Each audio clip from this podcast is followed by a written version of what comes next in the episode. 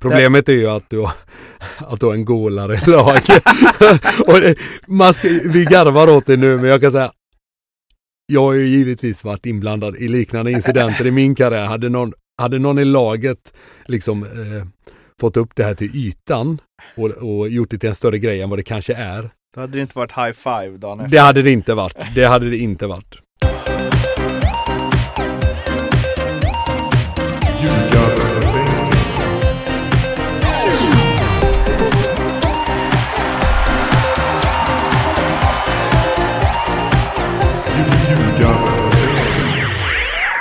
Ljugarbänken i samarbete med Betsson är detta. Det är det första vanliga avsnittet. Får vi se hur vanligt det blir. Men vi plöjde igenom alla lag, lagspecialer, men nu har den första omgången spelats och vi kommer dit. Men först så måste man ju liksom statusuppdatering.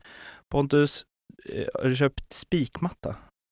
Ja, bra för, för ryggen och, och grejer tydligen. Ja, det är ingen, det är liksom ingen, eh, vad, vad är nästa steg efter vuxenpoäng? Pensionärspoäng. Ja, det där är riktiga pensionärspoäng. Ja, men jag har en rygg som krånglar så jag tänkte Mm. jag får testa någonting. Funkar det? Jag vet inte, för skallen kanske möjligtvis. Mm. Hur ofta ligger du och gnuggar spikmatta? Nej, men jag ligger där en tia, tia om dagen eh, och eh, lyssnar på någon podcast samtidigt. Och jag kan inte säga att jag är jättefokuserad så eller jätteavslappnad heller. Det gör mest ont men ja, de har i alla fall gjort något. Ja. Tobbe, har du några sådana grejer för dig? Nej, jag har helt missat också att, att det har inhandlat spikmatta här, men uh, ja, där ser man. Man vet att det är en influencer i, i skapande som gått vilse när man postar att man köpte en spikmatta. Man vet framförallt att det är en mittfältare som har ont efter karriären i hela kroppen medan du har en, en anfallare som inte har en enda verk i hela kroppen. Nej, nej just det. Så är det. Ja, det var så det var. Ja. Så är det. Fan vad gött, då vet jag det nu. Det kan sluta ont då. Ja. Du, eh, lyckat aprilskämt va, Tobbe?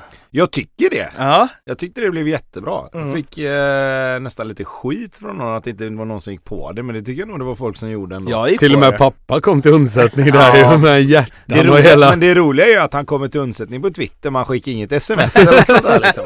Det bara officiella kanaler som vi pratar med varandra egentligen. Men Ja. ja, ja nej jag tyckte det blev bra. Jag Antingen är det för öppen ridå eller inte alls. Nej, lite så, lite så. Men, men eh, jag tror jag gick på det faktiskt. Lite fort. Alltså jag tänkte typiskt Tobbe. Ja. Baktala huvudet Ja men lite så. Jag, jag, alltså jag vet inte riktigt. Jag ville ju att folk skulle gå på det på ett sätt. Men jag kan också bli lite så här nästan förolämpad att folk tror att jag skulle kunna göra så. Ja. Det är lite, lite Ja, mer nu det jag så. säga, nära att säga ett könsord där men du är ju en. Ja, men, inte, men inte på det sättet väl? Alltså, Nej, det är du du, inte. Ni har alltid det- kallat mig så jäkla snäll och då går det lite emot att man skulle lita på en sån grej. Men ja, ja Mm. det är väl, eh, ja kanske. Mm. Ulv i fårakläder brukar man säga. Men det strömmade in mail från eh, media Sverige. Ja, det tog fem minuter innan, eh, han, han tog ju faktiskt på sig den eh, Max där på fotbollskanalen. Att han, det dröjde inte länge innan han skickade ett mess och ville ha ett uttalande. Ehm, men det var ju, nej men det var kul. Det var, jag fick lite meddelanden från polare och sen hade vissa utav spelarna hade fått, fått mess och, och samtal från sina polare. Så att jag men jag skrev ju på våran Facebook-sida att ni som har Twitter det är bara ett skämt liksom. Mm. Så att eh, det var nog lugnt. Men det blev seger i premiären. Ja, det blev Mm. ju det. Så det var perfekt uppladdning. Ja. Eh, nej, vi vann mot Lund med 4-0 hemma. Eh, urladdning sista 25 minuterna kan man säga. Mm. Så att det var, det var bra. Det var en typisk premiärmatch fram tills dess egentligen. Mm. Mycket tekniska misstag och lite, lite nervöst, lite spända spelare. Men eh, efter 1-0 så släppte allting. Så då bara rann det iväg. Så att det, Mm. var, det var jäkligt skönt. Tvååker har aldrig fått så här mycket airtime Jo, någonsin. för Mattias Lindström har varit med i den här podden. Öh, Han var tränare, så då var det airtime. Då var det, Oj, oj, oj. då var det kosläppsuppdatering Ja, just det, och... När är det, det. kosläppet? Ja du, det var en bra fråga. Det får jag ta reda på Ja, faktiskt. då Det- kanske, då kanske Ljugarbänken kör live. Ja, Från live kosläppet. från, Ja precis. Det är- Stallet tänkte jag säga men det, jag vet inte Hagen. det? Sån där Men- slow tv eller vad är det heter? Ja precis. Men det är väl det sto- stora intäktskällan, är det De inte det? säger ju att det ska vara väldigt stort där. Mm. Så att eh, det tror jag nog är, är absolut en grej som man, som man vet om om man bor i de eh, trakterna. Så, Gå vidare. Jag kan inte prata Ko- kosläpp. jo, men det är kosläpp i podden. Det var viktigare med spikmatta tydligen. Det var inte jag som sa det, va? nu börjar du prata Det var inte jag som kosläpp. sa det här heller. Nej, katt. Nej, det är mitt fel. Ja, vi ska prata allsvenskan istället då. Kosläpp, det var väl lite det va på eh, Hammarby hemma mot Helsingborg i allsvenska premiären. De bara sköljde över skåningarna som hade lite strul med att eh, hantera Bayerns eh, press va? Och Framförallt så hade de problem att hantera plastet som går Mm. riktigt snabbt där uppe och Hammarby gör det jättebra. Eh, Det var väl bara en tidsfråga innan ettan kom men sen så kom ju aldrig tvåan riktigt för dem och det var väl det jag tyckte att eh, det var lite skumt med tanke på hur mycket de skapade och hur mycket de missade. Det var skott i virket och det var, ja, det var skott utanför och över och nej, det här kunde nästan ha det skulle ha blivit bra mycket mer mål för, för Bayerns sida och jag tycker att det såg riktigt bra ut för dem. Helsingborg, ah, såg väl okej ut i stunden men jag tycker framförallt målen de släpper in är rätt, rätt enkla och man saknar väl sin gamla United-reserv. Får man väl ändå säga. Mm. Eh, för de två in- ingripandena på målen är, såklart inte bra. För den första där när Ludvigsson eh, knoppar in den på bortre, den ska han ut och plocka eller?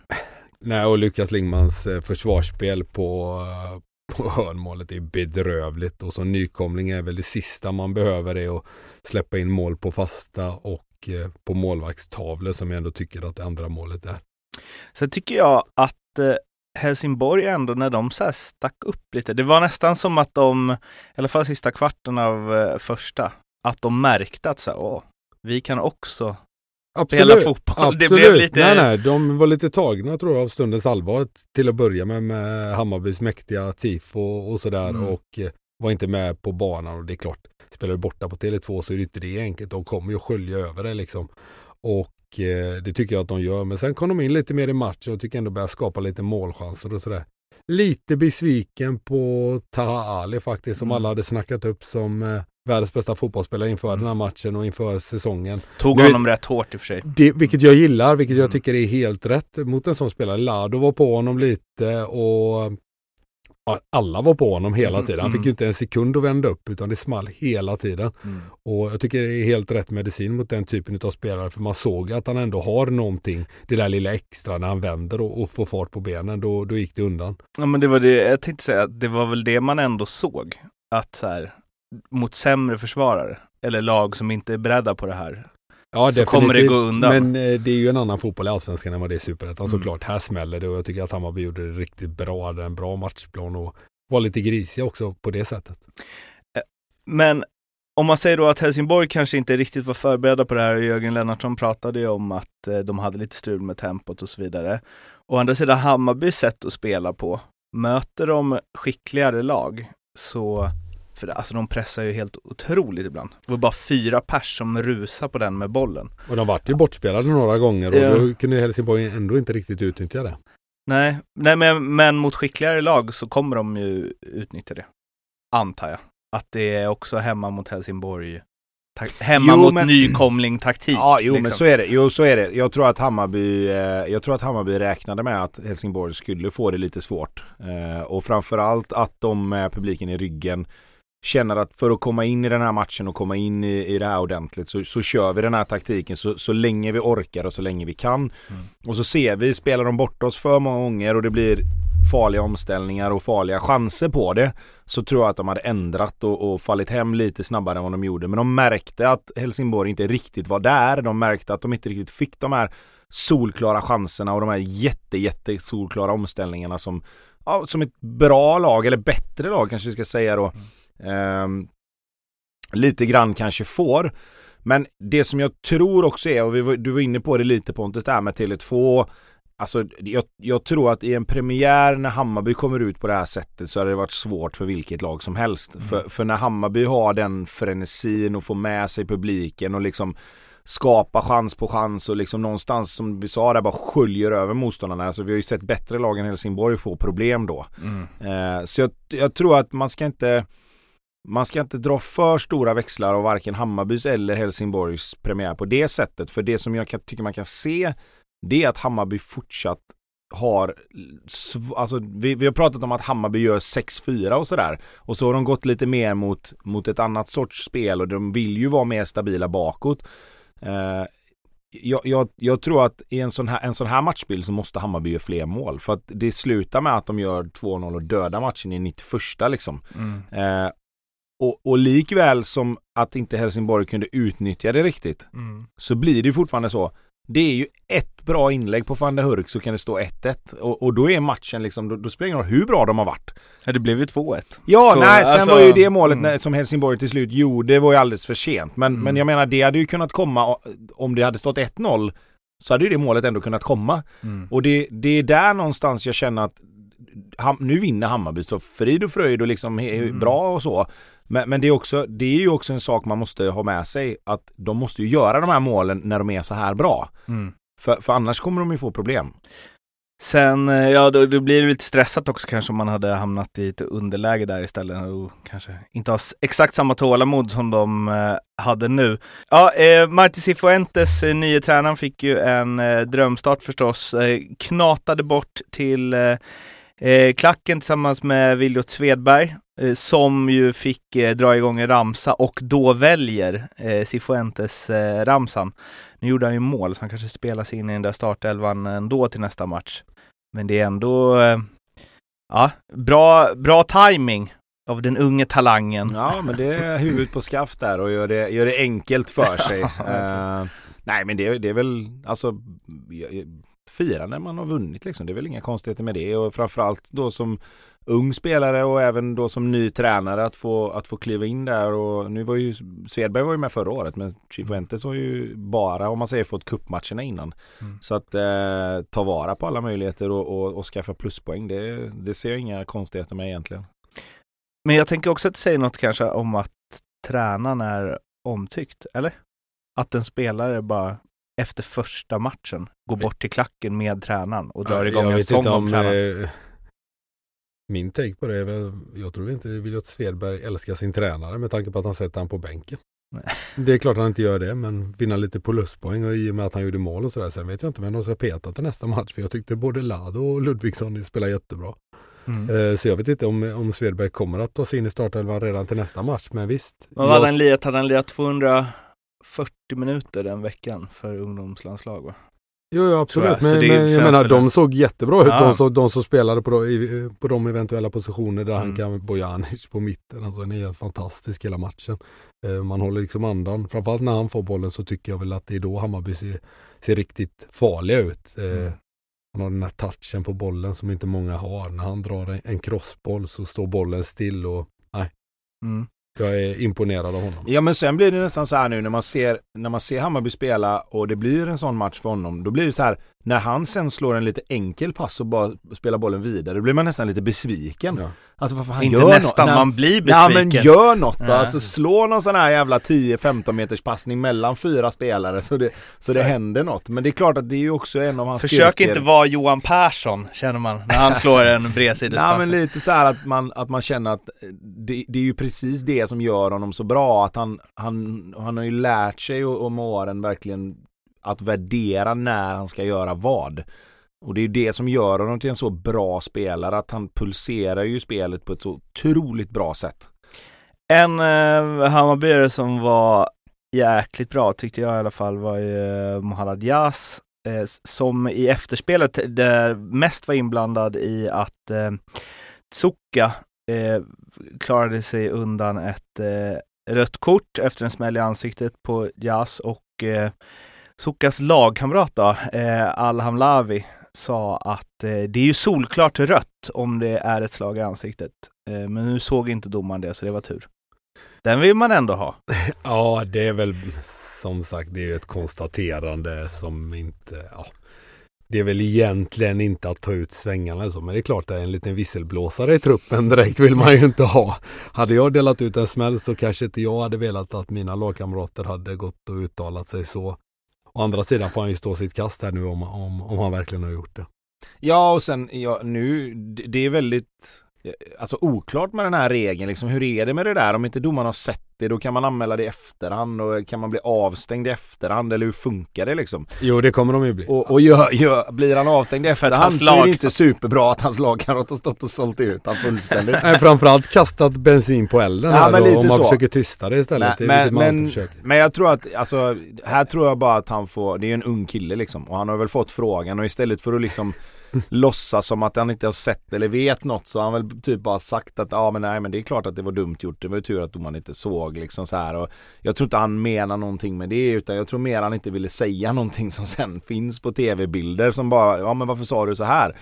Eh, men för, alltså om vi bortser från det så är det ju liksom va- va- varför? Mm. Alltså det är väl mer det man blir irriterad på liksom. Varför ens ta chansen och, och, och, liksom klappa till någon? Det, det, det är ju han som är den största boven i dramat liksom. Sen att hans polare liksom kanske får Han kanske tröttnar på honom. Ja, han kanske inte gillar honom. Nej. Vad fan vet. Rött.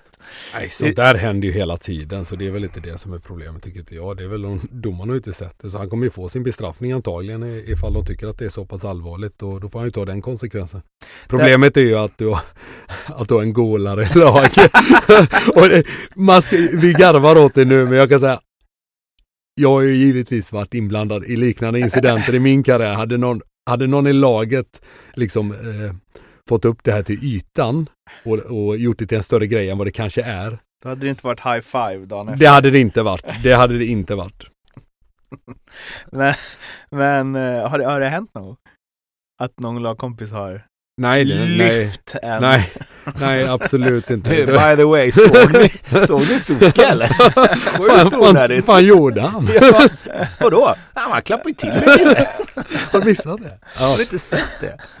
Ja. Ehm, en, en grej som ni kommer få ta ansvar för, i alla fall nu så länge SHL i sockin pågår, är ju det här med vad domare får anmäla och inte anmäla och så eftersom jag har ju en uh, hockeypodd också så är vi fullt inne i domarsnurren och eh, hur man får ta beslut och vilka grejer man får kolla på en gång till och så vidare. Jag vet inte hur det här går till. Jag tror väl att det är lagen som anmäler va?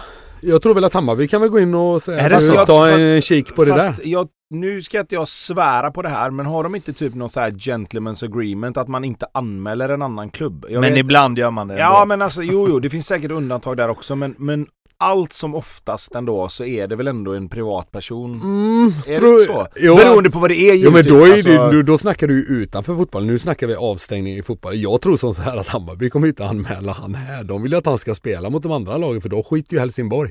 De kommer inte konkurrera ändå på nej, det men sättet. jag, nej men jag menar mer så här att är det någonting som händer som, som är anmälningsbart så tror inte jag att det är klubbarna som anmäler varandra. Utan då är det liksom, då, då är det någon Nu- Det är någon privatperson som går in och, och, och skickar till, till nej, inte till förbund. Nej, nej. Ja, jag det- tror, jag, nej, jag har är för du mig att säker har varit så innan alltså. Jag kan ha dyngfel här. Klipp bort i sådana fall Martin. Ja, men, jag, men jag tror alltså inte att, jag, jag- för att du vet, börjar du anmäla varandra för sådana här grejer då kommer det bli anmälningar här, alltså hela tiden. Men det kanske är Alham Lavi som går in och lär anmäla. Han fick anonymt. Det behöver inte ens vara det. Alla vet vem det är ändå. Angolan i, i Helsingborg. Ja, det är sånt som eh, bygger grupper, antar jag. Häcken-AIK eh, spelades ju eh, samma dag och eh, Jeremejeff show. Herregud. Det kunde blivit fler än tre, men det blev tre och en ass va? Ja, Uddenäs pillar ju in den på mållinjen. Ja, Ja, den hade gått utanför. ja det hade den. Det, Ja, såg, det såg man på reprisen bakifrån, från klackens håll. Men vad var det vi sa Tobbe? Han, Jerma Jeff gör inte fler än... Ja men lugn nu lite. För det första så är det en match som Ja, har spelats och han absolut. gjorde det helt fantastiskt. Omgångens spelare, inget snack om det. Men lugn nu lite. Han är, han, är on, han är on pace för 100, Ja, eller hur? 90 mål. Jag, eh, jag tycker, om man på tal om att skölja över lag så gjorde ju, alltså Häckens start mot AIK var ju Ja. lite likadan. Alltså de bara körde skit verkligen. Ja. Eh, AI, alltså förvånad över hur, hur nästan hur chockade AIK såg ut att bli. E- Mm. Eller så hade de bara inget motmedel mot det liksom. Men det var länge sedan man såg AIK så avklädda Mm. som första kvarten. Alltså det, det var liksom så här, vad, vad fan hände? Alltså nästan. Men ta det, fatta. Ja men det Alltså, kändes nästan som att spelarna tänkte att det här kommer vi kunna komma in i lugnt och stilla och Mm. Häcken var inte så bra förra året. Det här, det här liksom, bara tålamod här så, så löser det sig och så pang så står det 2-0 helt plötsligt. Mm. Ehm, och jag menar, när Häcken sen senare i matchen, vi kommer väl tillbaka till starten, men när de gör 4-1 då är det liksom så här, nu blir det nästan damage control. Alltså nu blir det så här, det kan Ja. bli 5-6-1 detta om de inte skärper sig. Ja. Så att otroligt imponerad av Häcken. Eh, att de har hunnit så långt fram som de ändå var i den här matchen om man jämför med när de åkte och fick stryk mot Hammarby med 4-0 Mm. är ju, är ju imponerande på, på sitt sätt. Eh, och sen kan vi ju till, till nu i alla fall, även om jag fortfarande vill se några matcher till, så kan vi i alla fall konstatera att Jeremejeff passar in i Häckens sätt att spela. Mm. Den diskussionen kan vi plocka bort direkt, för där är det jävla med inga frågetecken längre.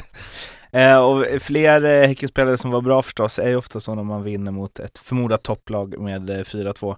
Men eh, Uddenäs, kanondebut. Ja, det får man väl ändå säga. Det var ju utropstecknet i den här matchen tycker jag. Tycker Kevin Rygaard var grym på mitten. Mm.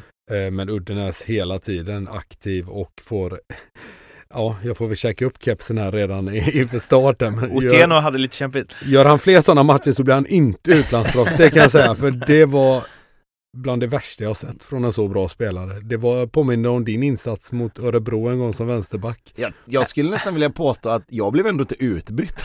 Vi hade ingen att byta in. lite så, nej, men lite så kanske. Ja.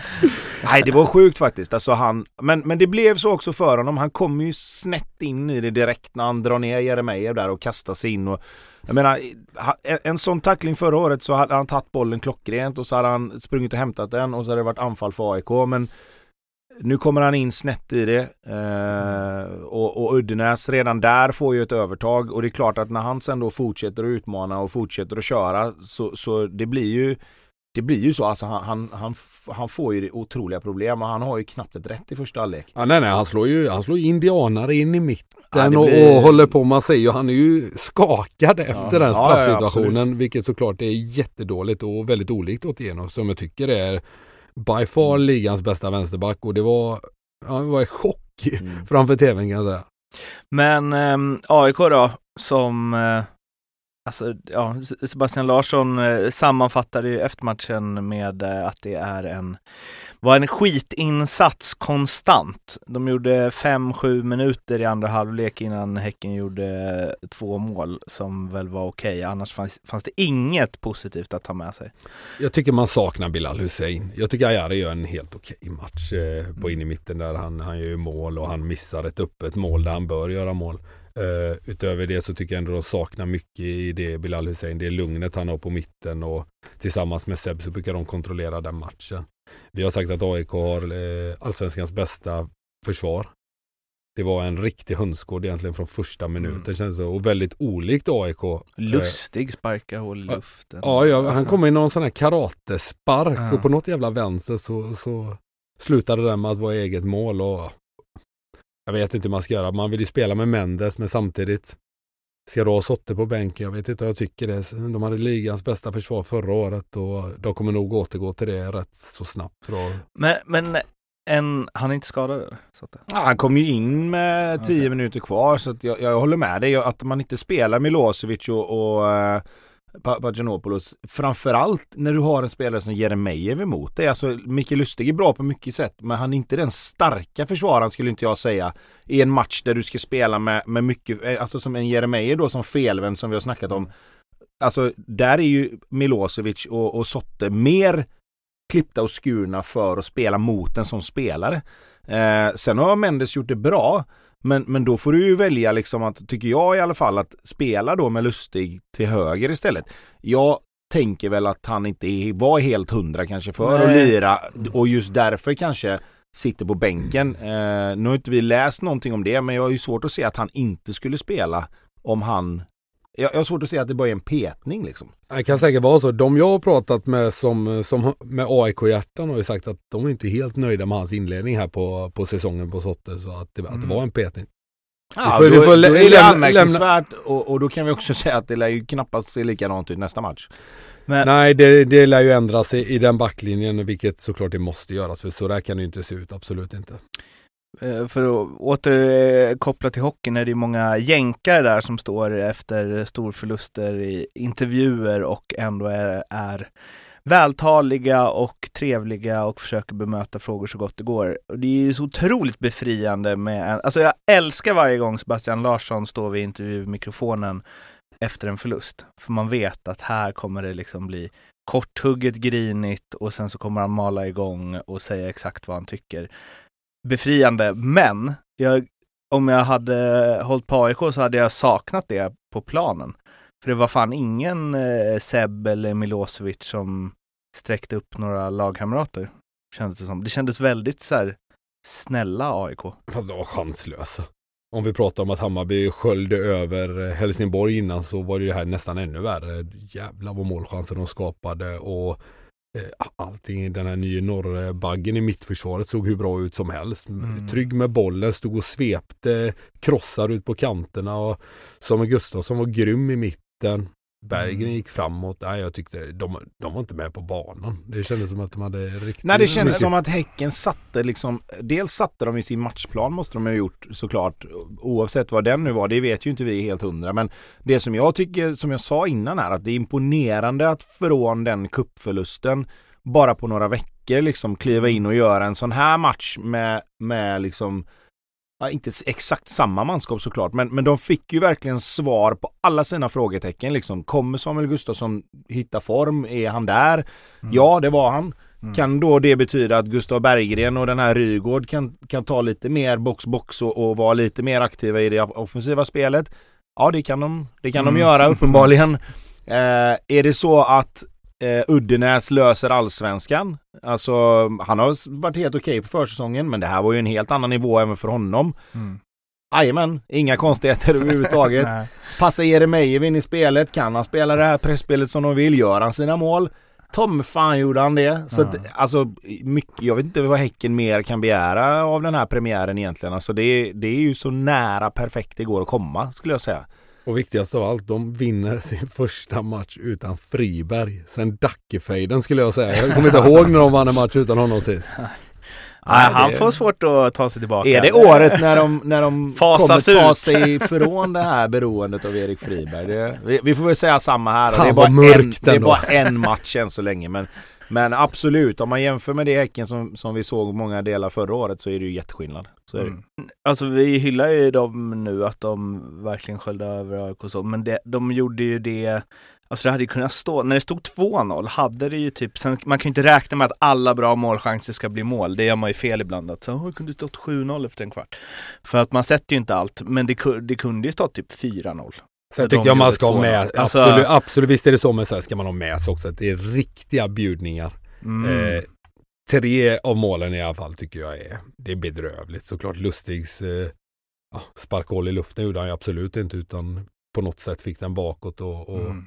tycker även att den fasta situationen är, det är för dåligt. Mm. Och eh, straffen givetvis, det är horribelt försvarsspel.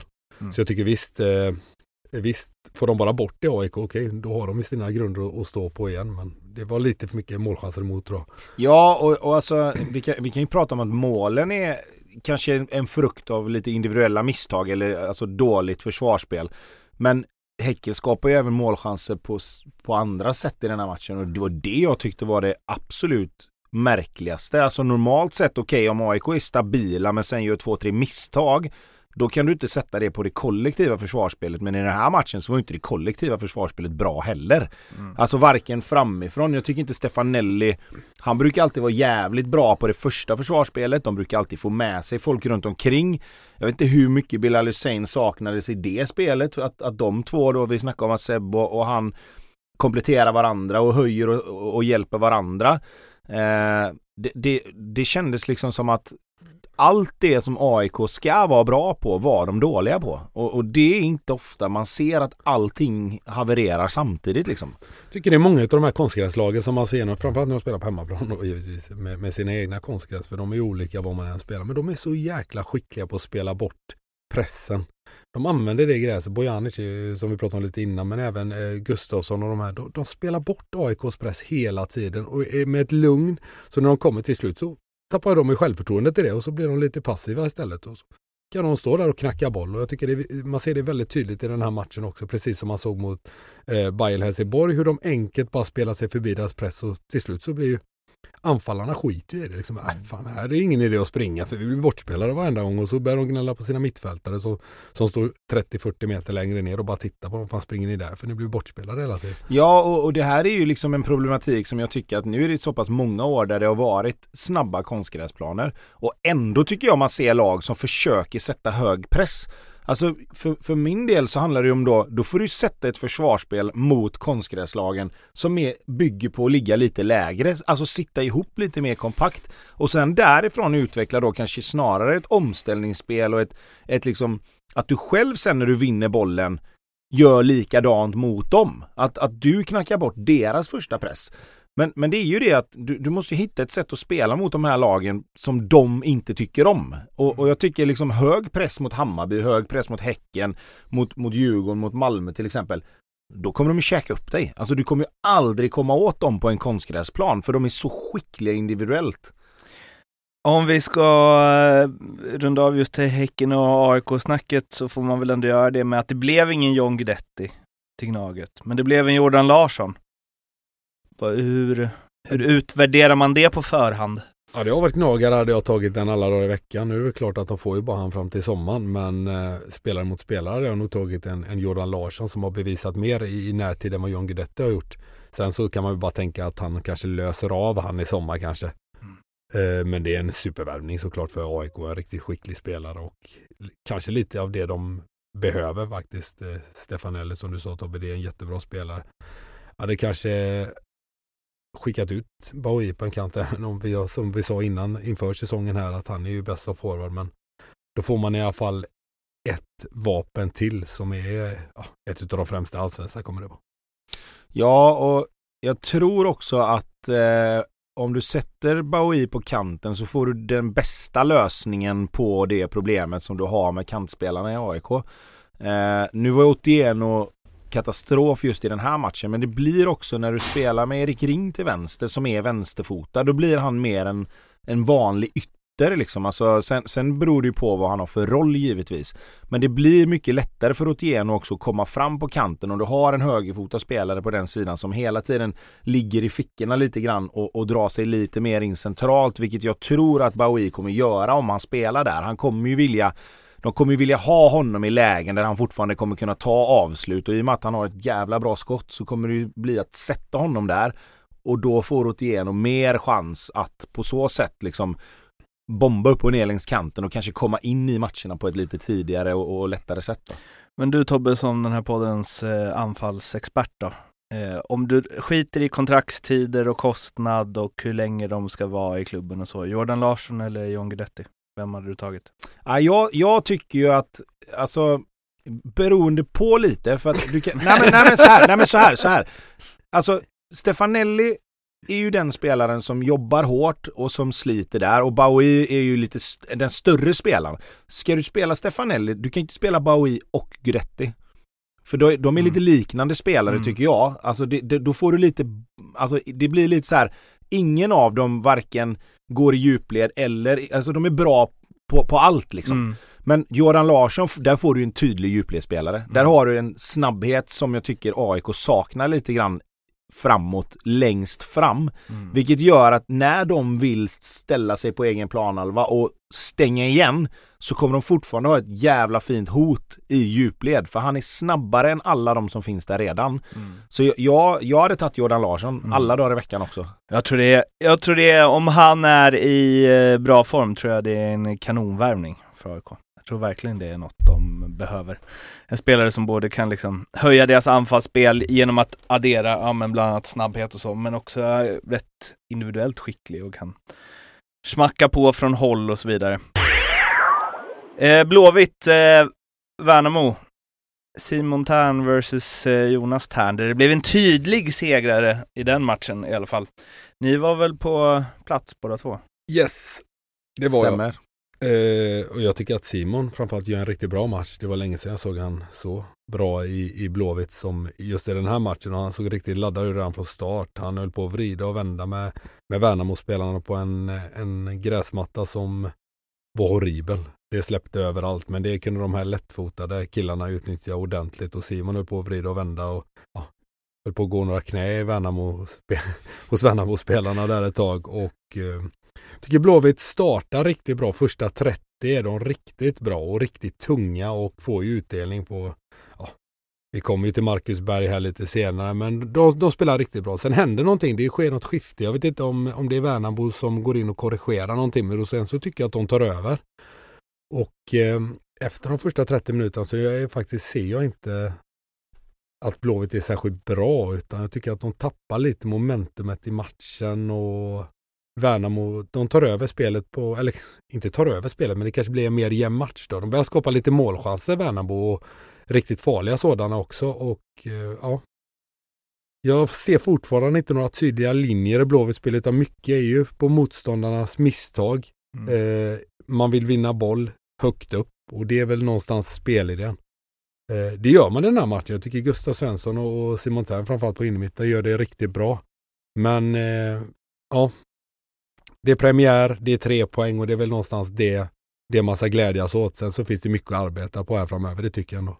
Nu ska jag göra en grej som man älskar när man är supporter till eh, det laget och känner att någon som pratar i podd är väldigt initierad. Jag såg ju bara highlights från den här matchen, men att man ändå vinner på det sättet, att man tappar ledningen och sen så ändå kommer tillbaks rätt fort, avgör en match som de ska vinna 10 av 10, vilket gör att den kanske är svårare än vad den är. Tänk att det ändå betyder massor för att få, att få den här starten. Ja, Kontra 1-1 alltså, jag, mot jag tror, jag tror som du säger, ja men jag tror som du säger, det viktigaste var att du fick tre poäng i den här matchen och sen är det premiär, det får se ut lite som det vill. Det som jag tar med mig från det som Pontus sa, det är att Blåvitt har ett spelsätt som är ganska beroende på att man orkar pressa rätt hårt och rätt högt. Och när de inte riktigt orkar göra det så blir det väldigt passivt istället. Och det är det jag tror händer när de tappar initiativet i matcherna. Då, då backar de hem. Mm. Och jag tycker inte Blåvitt är tillräckligt bra ännu i det riktigt låga försvarsspelet för att man ger bort initiativet i matchen. Sen fattar jag att man inte kan, du kan inte pressa högt i 90 minuter, det är helt omöjligt.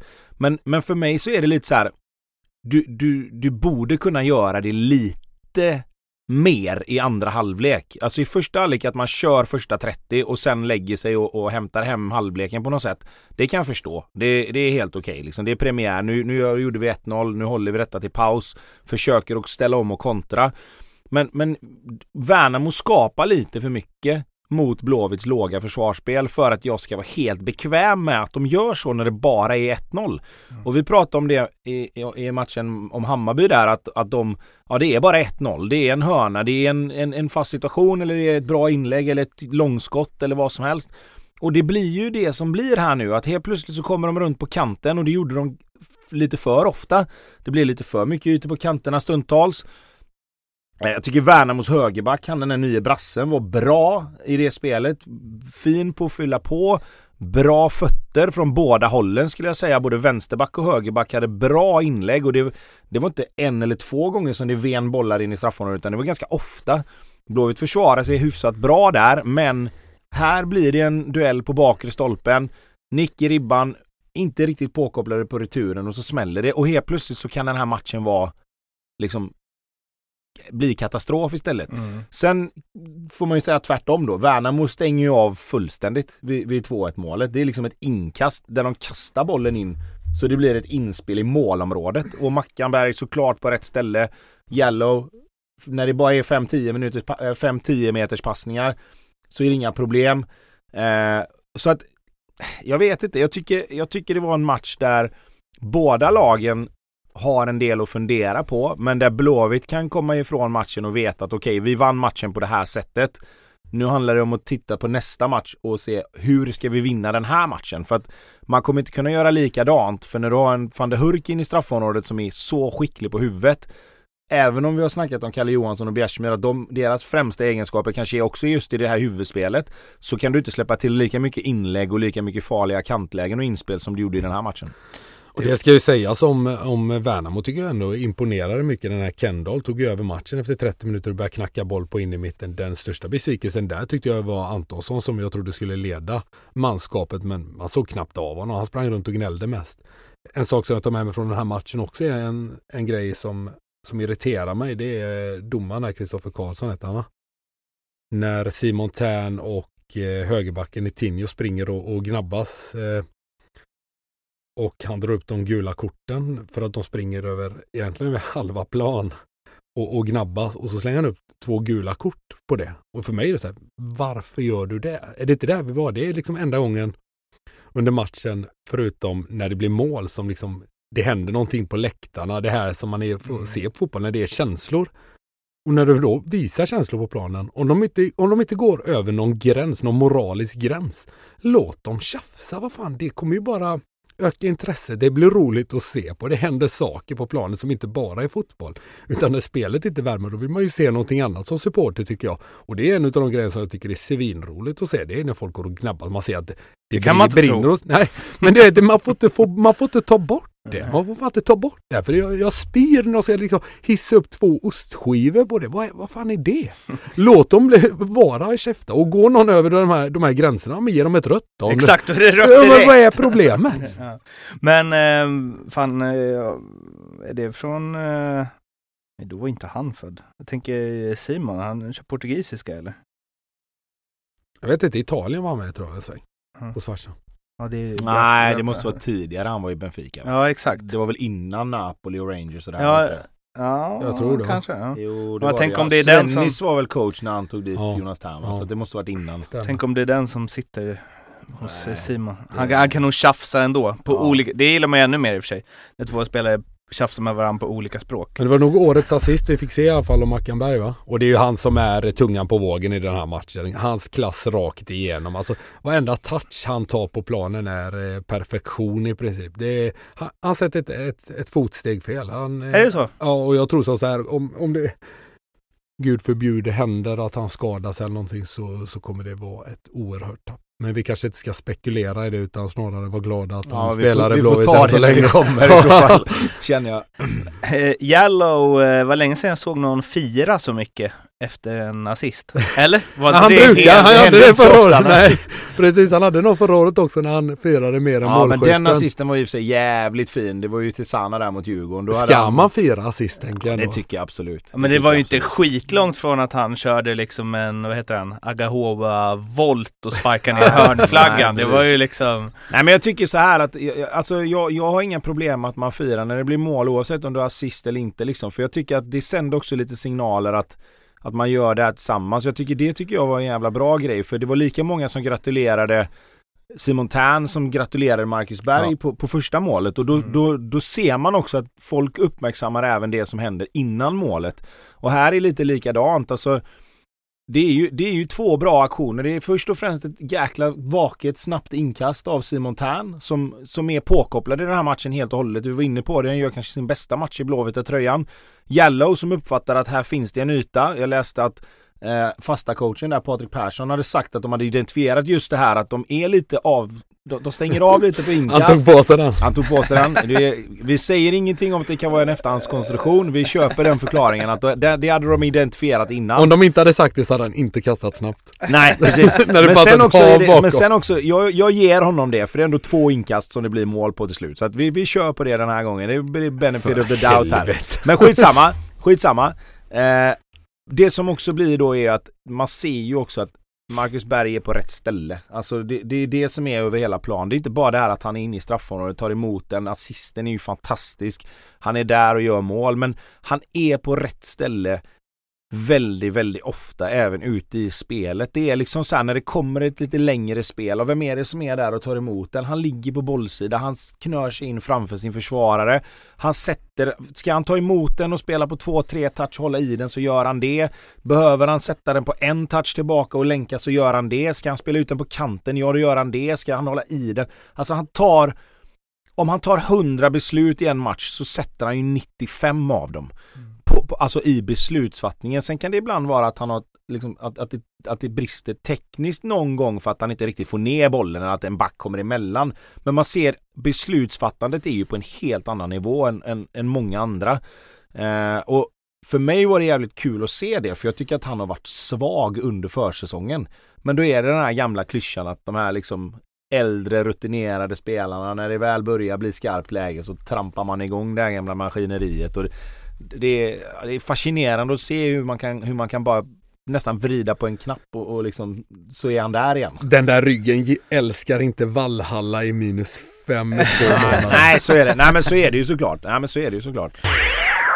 Vi ska hoppa vidare till eh, ja, den här poddens eh, favoritlag va, får man väl ändå säga.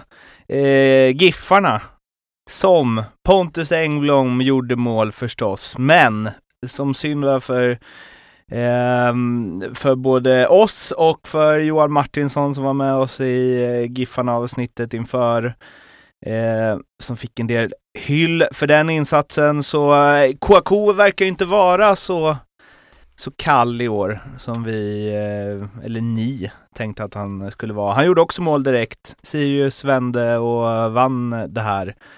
Och eh, ja, vi kommer väl till efterspelet, men om vi drar eh, matchen lite fort. Viktig match! Det är det här man kan se tillbaks på om 29 omgångar till och säga att det var där, det var de tre poängen som skilde.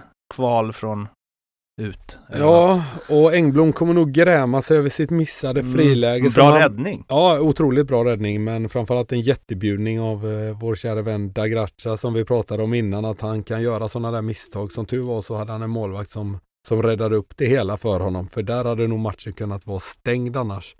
Eh, Pocka Lagemyr snor ett mål som eh, är på väg in vid, eh, vid 1-1 men blir räddad av Kouakou sena vinstmål, eh, typiskt målskyttemål egentligen, eh, dyker upp på bakre stolpen.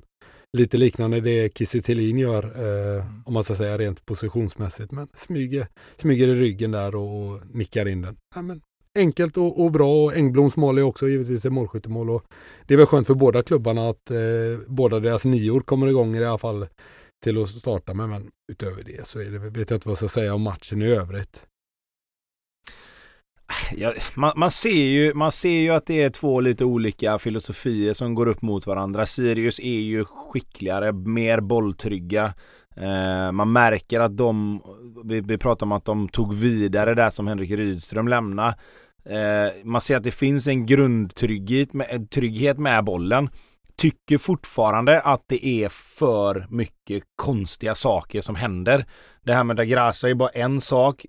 Det, det, om vi pratar om Marcus Bergs beslutsfattande så tycker jag beslutsfattandet på många håll i Sirius ibland är undermåligt. Man väljer att göra saker vid fel tillfällen. Och då handlar det inte så mycket om att du inte, att du inte kan Alltså rent tekniskt mm, göra saken. Jag tycker bara att de väljer fel många gånger. Alltså du väljer fel passning. Du väljer fel ja, men fel sak att göra helt enkelt. Och det tror jag är en, en sak som de måste börja jobba bort. För det är det här som blir om vi har snackat om att de känns naiva så är det det som det blir av det när du hela tiden ser att det blir fel på vissa ställen. Eh, sen Kouakou, bra. Viktigt för honom att få göra mål direkt. Jag är väl lite så här. Fan, ska han inte ta den? Det är liksom ett överlångt inlägg. Jag tycker han hinner över hyfsat och så går den in mellan honom och första stolpen. Men skitsamma, det, Kouakou bryr sig inte om det såklart. Eh, jag tycker ändå att Sirius Alltså Sundsvall gör en, en, en helt okej okay bortamatch. Kanske kunde fått med sig poäng men i grund och botten är Sirius ett bättre lag än Sundsvall tycker jag. Så att jag tycker i slutändan ändå att det är rättvist. Vi hade ju lite Twitterkontakt du och jag Tobbe med eh, Martinsson där om eh, Joe Corona som Precis. var på väg in. Som hade i sin, sin Twitter-bio hade han Player for Houston Dynamo, Living the Dream. Och eh, Johan skrev, min gissning är att Living the Dream ryker all världens väg snart. ja. Hade han inte så här pending också när han var på ett flygplan mellan Mexiko och Sverige? Typ. Uh, och du föreslog ju Player for Sundsvall, Let's Go Team. det är väl kanske, kanske mer det. Eh, de har ju också, eh, jag, jag messar lite med honom om eh, Oskar Linnér härvan som vi kommer till snart, men också att Joe Corona sa att han skulle slå en pling till Zlatan och höra om han inte var sugen på komma upp och lira lite grann. Eh, och då... Oj vad Zlatan inte svarar på det samtalet. alltså, det, Joho! de får vara jävligt bra polare om det ska bli någonting med det alltså. Eh, Nej den har jag otroligt svårt att, att se att han fick ett tumme ner ens. det är möjligtvis om han är liksom Galaxys eh, Maxwell eller något. Som, då känns Ändå svårt att se att han messade över sitt italienska nummer sen. Ja. Eh, varför, inte- varför du inte har det, det betyder inte att Joe Corona har kommit närmare. Jag tror inte- Jag tror, jag inte, tror jag tror inte det kommer ett så här liksom, my new number. Nej, Nej men eh, i alla fall så skrev jag det så här, ja men ni kanske löser Zlatan nu då? Då skrev han, ja det vore ju sjukt. Sen är det förstås en konkurrenssituation med Ronaldo Damus. Varpå sen, och det här är ju liksom eh, tragiskt, eh, men också lite kul, eh, att eh, nu har det ju liksom kommit rapporter på att eh, han inte kan eh, flyga till Sverige för att det har eh, blivit inbördeskrig. Så Ja den är ju, den är svår, det, att, det, det är svår att förutse när, när alltså. man satt, alla, satt klart alla papper så får han inte lyfta. Men ja, det kanske, k- kanske löser sig så småningom. Eh, en ny målvakt behöver de ju också. En ny båsöppnare menar du? En, en ny, ehm, eh, en, en lugnare båsöppnare kanske. Ja, det får man väl säga. Du, Vad ska vi inte, säga? Oskar Ska du dra Linnér, premisserna? ja, eh, För er som har eh, inte läst sporten i någon tidning eller sett någonting från premiäromgången så kanske ni har missat att Oskar Linnér inte var helt nöjd med att inte stå i första matchen och han hade en, en lång utläggning om vad det betydde för hans karriär och att han kom ju hit för att spela och hej och hå och så här kan det inte vara. Jag, jag orkar inte dra eh, allt utan ni får läsa i fatt. Men eh, Johan då eh, besvarar ju det här med en lång twitterant om att han inte känner Oskar Linnér men att han kan dra åt helvete. eh, och eh, ja, vad fan. Alltså har de inga rådgivare nu för tiden?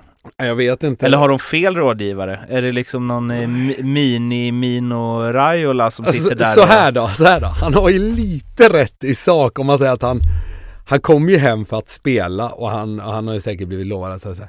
Men du kan ju inte få ett jävla meltdown efter en match. Där han dessutom har varit lite magsjuk och det har varit skador och, och, och, och du har en, en backup som han fullständigt kastar under bussen och han pratar om karriärshaveri och grejer och det största haveriet är ju hans intervju som gör att han aldrig, han kommer ju inte få ett jobb den här, den här killen.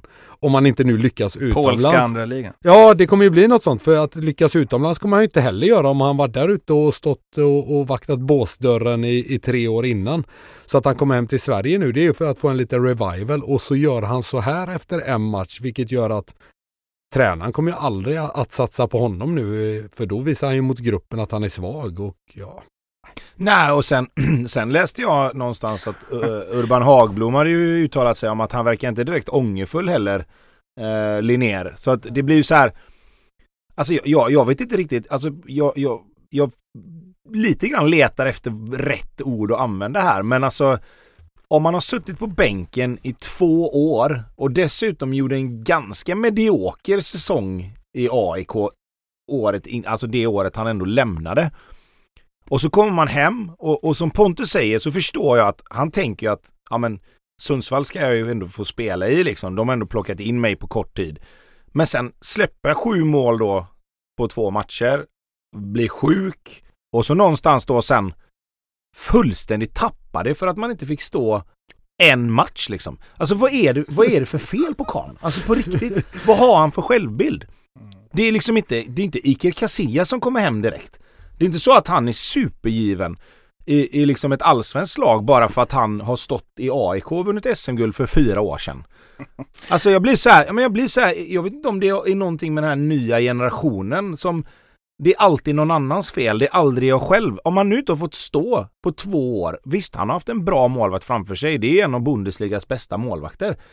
Men, Men, det säger ju ingenting om honom. Nej, exakt och det är det jag menar. Och det är det jag menar. Han har inte bevisat någonting. Han har bevisat att han har suttit på bänken bakom en bra målvakt. Och, och det som stör mig mest, det är att han uttalar sig på ett sätt som sänker hela Sundsvall som förening. Han, han uttalar ju sig i termer som att ja, och så kommer jag till en klubb som Sundsvall. Vad fan menar han med det? Och liksom, hur fan ska han, hur ska han kunna reparera ett sånt uttalande?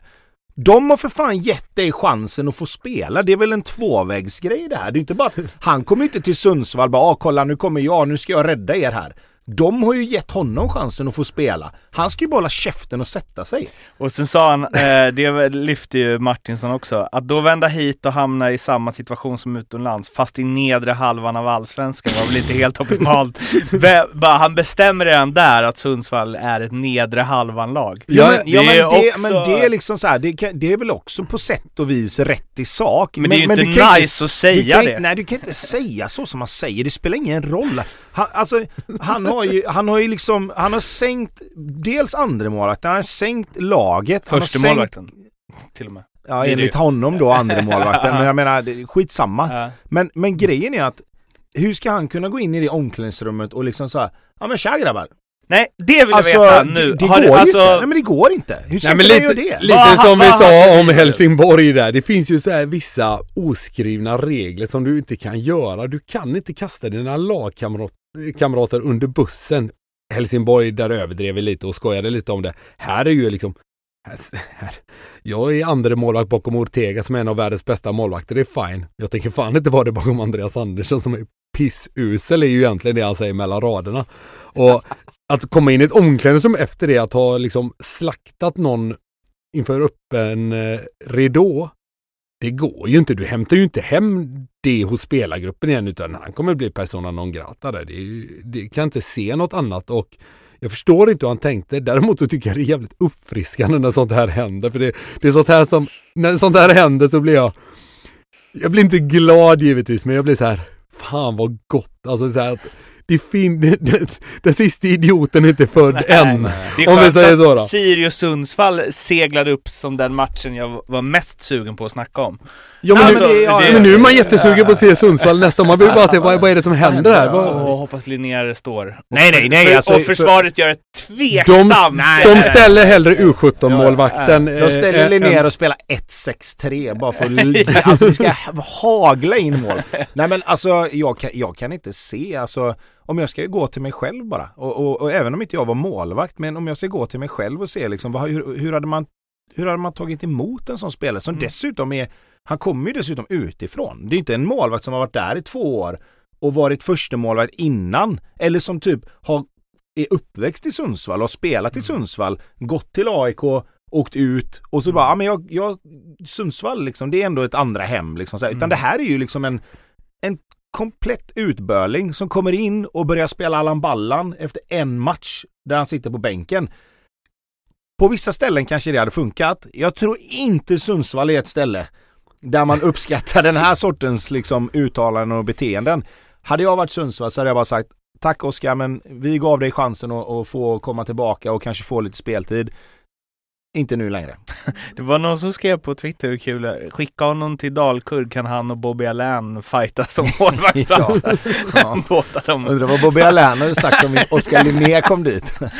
Nej alltså, man kan, man, måste... man, vi kan raljera om detta och vi kan säga vad vi vill och det är klart att alltså, men, folk gör misstag såklart. Och, men, jo, jo. men då ångrar man sig också efteråt. Men det gör han ju inte. Men det gör han ju uppenbarligen inte Nej. och då tycker jag liksom, då finns det ju ingen återvändo. Då hade han gått ut och sagt att Ja fan det var dumt liksom, det blev fel. Jag var jävligt besviken, dessutom förlorade vi på ett sent mål och liksom mm. Nej, fan, det var jävligt dumt liksom. Jag ber om ursäkt till alla fans, supportrar och så här. Och det kommer ju kanske komma nu om han ska kunna vara kvar. Men det ska ju komma direkt, alltså det måste ju komma typ på kvällen. Det, men det har ju gått för lång tid. Ja, jag säger det. Ja, jag Nej, säger nu, det. nu kan man alltså, nu, nu är karriärshaveriet ett faktum. Ja, och det är bara hans ja. eget fel. Och det älskar man ändå, eh, om man nu, alltså allt man ogillar med det här så kan jag ändå gilla, ska man göra en sån här grej då ska man fan göra det ordentligt. Karriärshaveri! Håller med, håller med. Och så här, jag älskar när det händer grejer, när folk är för det finns inget tråkigare än, än att lyssna på spelare som är mediatränade och tänker på konsekvenser. Ja, tänk inte på konsekvenserna killar. Eh, men jag måste, jag måste ändå äh, fråga dig, alltså om ponera att ni eh, fortfarande är spelare och att det är en lagkamrat som exakt liksom i Oskar Linnérs sits, kommer till klubben, inte varit där för, har suttit på bänken utomlands ett par år. tror att eh, han kommer få spela och sen så kommer det här efter match ett, efter en torsk. Hur, hur blir det i omklädningsrummet när han kommer in dagen efter? Alltså, Kamratgården, frukosten, vad Nej, händer? det hade ju varit eh, en stel, eh, väldigt stiff såklart. Är det hade... någon som säger något? Nej, alltså jag tror väl snarare det här är en ledarfråga för, för hela föreningen. För de måste ju sätta ner foten. För så här, det blir lite ett vägskäl där för tränarna att eh, Han blev ju hemskickad från frukosten. Ska vi Jo, men det är, det är liksom det jag menar och det, då sänder du budskapet till övriga spelartruppen att så här gör man inte. Mm. Och det, det budskapet är viktigt att skicka för hela, för tränarna, för, för klubben och visa för de andra spelarna att vi står på er sida. Så här beter vi, fan, eh, så här beter vi oss inte i ett fotbollslag. Och eh, skulle någon av er andra få för er att, att göra det så är det det här som, som gäller framöver. Och där gäller det bara att sätta ner foten stenhårt för att så här beter man sig inte, framförallt inte i ett lag. Säger spelarna något? Tror du? Jag tror, det, jag tror det är väldigt, väldigt beroende på vad du har för typ av, av personligheter i gruppen. Eh, jag tror att någon kommer behöva säga någonting för att oavsett om han ska kunna vara kvar i Sundsvall så måste ju de ändå, det här måste ju ändå lyftas i, i, i hela gruppen. Alltså, han måste ju be om ursäkt. Eh, och sen måste det ju någonstans också backas upp med ett beteende resten. För jag menar, vad händer om man får sitta på bänken nästa match igen? Och, och jag menar, vi pratar om att liksom Andreas Andersson då att, att han tycker att han ska vara före honom. Men, men jag menar hur blir den relationen? Alltså målvakterna rimligtvis bör ju ändå ha en relation. Alltså de måste ju ändå träna med varandra och hjälpa varandra på något sätt. Och det är jätte, jättesvårt att och, och liksom sätta sig in i det där. Som tur var har det aldrig riktigt hänt när, när man varit spelare själv. Men jag, jag har otroligt svårt att se hur man skulle reagera. Alltså för att jag tror att det blir det är nog väldigt, väldigt individuellt beroende på vad det är för personlighet liksom. Fan vad man håller på Andreas Andersson nu alltså. Ändå. Känner man ju. Ja, ja, att han ska ju hålla bara, han ska ju ta en straff här nu nästa bara. Och, så. Ja, han kan ju inte ta på sig något utav målen tycker jag ändå inte. Jag tycker Nej, inte jag andra tycker, heller. jag tycker andra målet att det, han kanske kunde ju flyttat över lite snabbare men, men in, absolut inte, det är inget, inget misstag utan mer du vet så här som vi snackade om att fan, den kunde han kanske tagit. Men, Mm. men jag kanske får titta på det igen. Ehm, vi har ju också ryktesvägen eh, nåtts av att det verkar som att Oskar Linnér är finito i Giffarna. Får väl se om det, om det ryktet blir en sanning, men det låter väl inte helt otroligt att eh, så skulle bli fallet. Norrköping-Varberg ska vi gå till. Eh, Jocke Persson show. Ah, det kanske inte riktigt var så. Norrköping öste på. Eh, och Varberg gjorde matchens enda mål, vann med 1-0 och det är, ju, det är ju helt omöjligt att det inte börjar bubbla lite kring Rickard Norling. Är han rätt? Och bla bla bla. Men vad fan, ser man till spelet, och det var väl alla Varbergspelare tydliga med också, det hade, ju kunnat, det hade också kunnat bli 3-0. Ganska ofta i sådana här matcher som ser ut så. Ja, visst är det så. Sen är det ju en situation som vi kommer till som blir lite matchavgörande. Ja, vi kan ta den direkt. Ja, men det är ju när Johansson eh, slänger upp en armbåge i ansiktet på Dagestål som får bryta matchen. Det fattar jag inte varför han får göra. Är han groggy då eller är det för att han blöder? För att... Nej, han måste väl bli, ja, det måste väl vara någon sorts Det måste hjär- vara- hjärnskakningssymptom. Ja, för nu läste jag att han skulle, att han var aktuell och antagligen spela nästa. Men ja, ja. Skitsamma, han får bryta matchen. Eh, Rask kommer in och står för ett, eh, ja, en bjudning såklart. Och eh, det är väl lite svårt när man kastas in. Det är det ju alltid. Och han kommer ju helt snett in i situationen och Johansson såklart gör, gör 1-0 vilket är Ja, det brukar ju vara så om man säger jag tycker att han ska ha ett rött kort innan.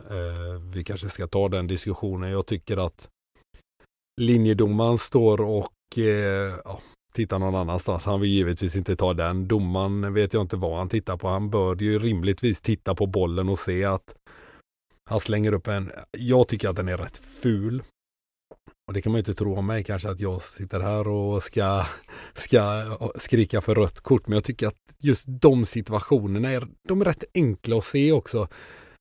Jag säger inte att det är meningen, men jag säger att den kontrollen på armbågarna, att hoppa upp så med armbågarna, det gör man inte normalt sett. Eh, han kommer ju givetvis lite snett in i situationen, men det, domaren måste se den. Det där tycker, jag tycker det är så jävla märkligt att det ursäktas av någon form, att det liksom inte var att det inte var avsiktligt. Nej, men du kan ju inte, du kan ju inte vifta, alltså du kan, han, det är ju en tydlig rörelse Ja, med jag- armen. Sen kanske man gör så när man nickar. Man gör ju inte det. Nej men det gör man ju inte. Du hoppar ju inte och nickar med armbågarna. Ja, visst, du hoppar upp lite men sen vet du ju ofta. Ja. Ofta ska jag säga från min egna erfarenheter. När du hoppar så, så är det ju för att du är inte svinledsen om den träffar illa på den andra. Så Nej. enkelt är det. Och han hoppar in där och han kommer givetvis neka till allt det där.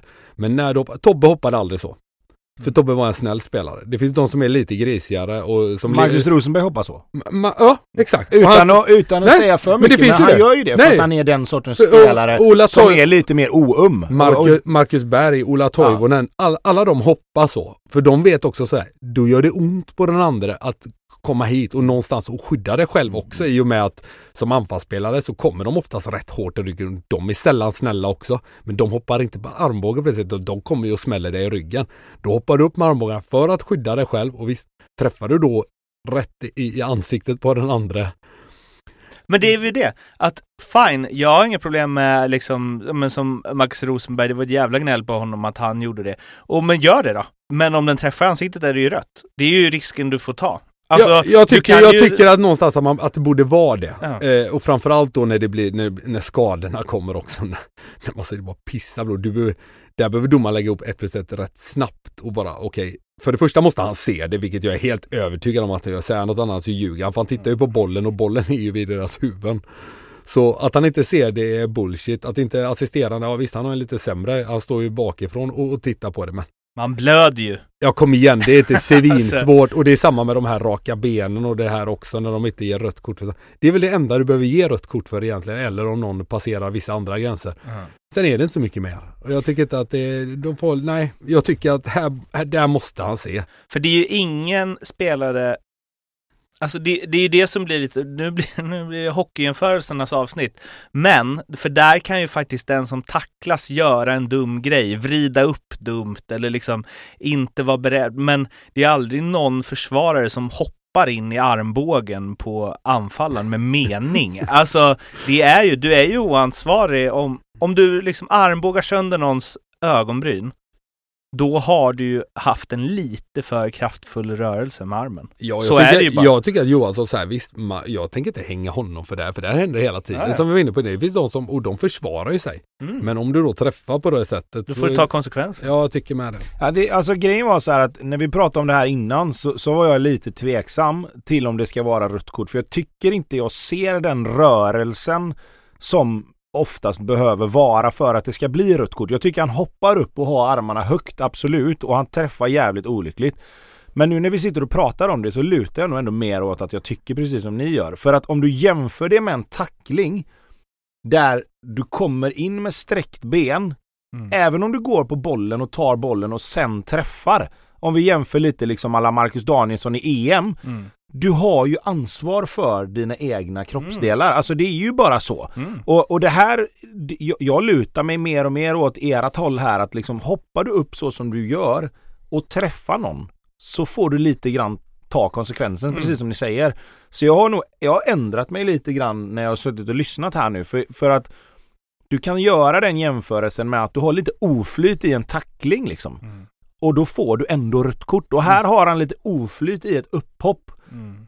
Och då får du också ta konsekvensen. Du Så tar- att jag tycker nog ändå precis som ni att jag tycker att när konsekvensen blir den att man ser att att han liksom går ner och sen blöder jättemycket. Då får du liksom som, som domare där så får du liksom ta Okej, vad kan ha hänt? Liksom. Alltså, exakt.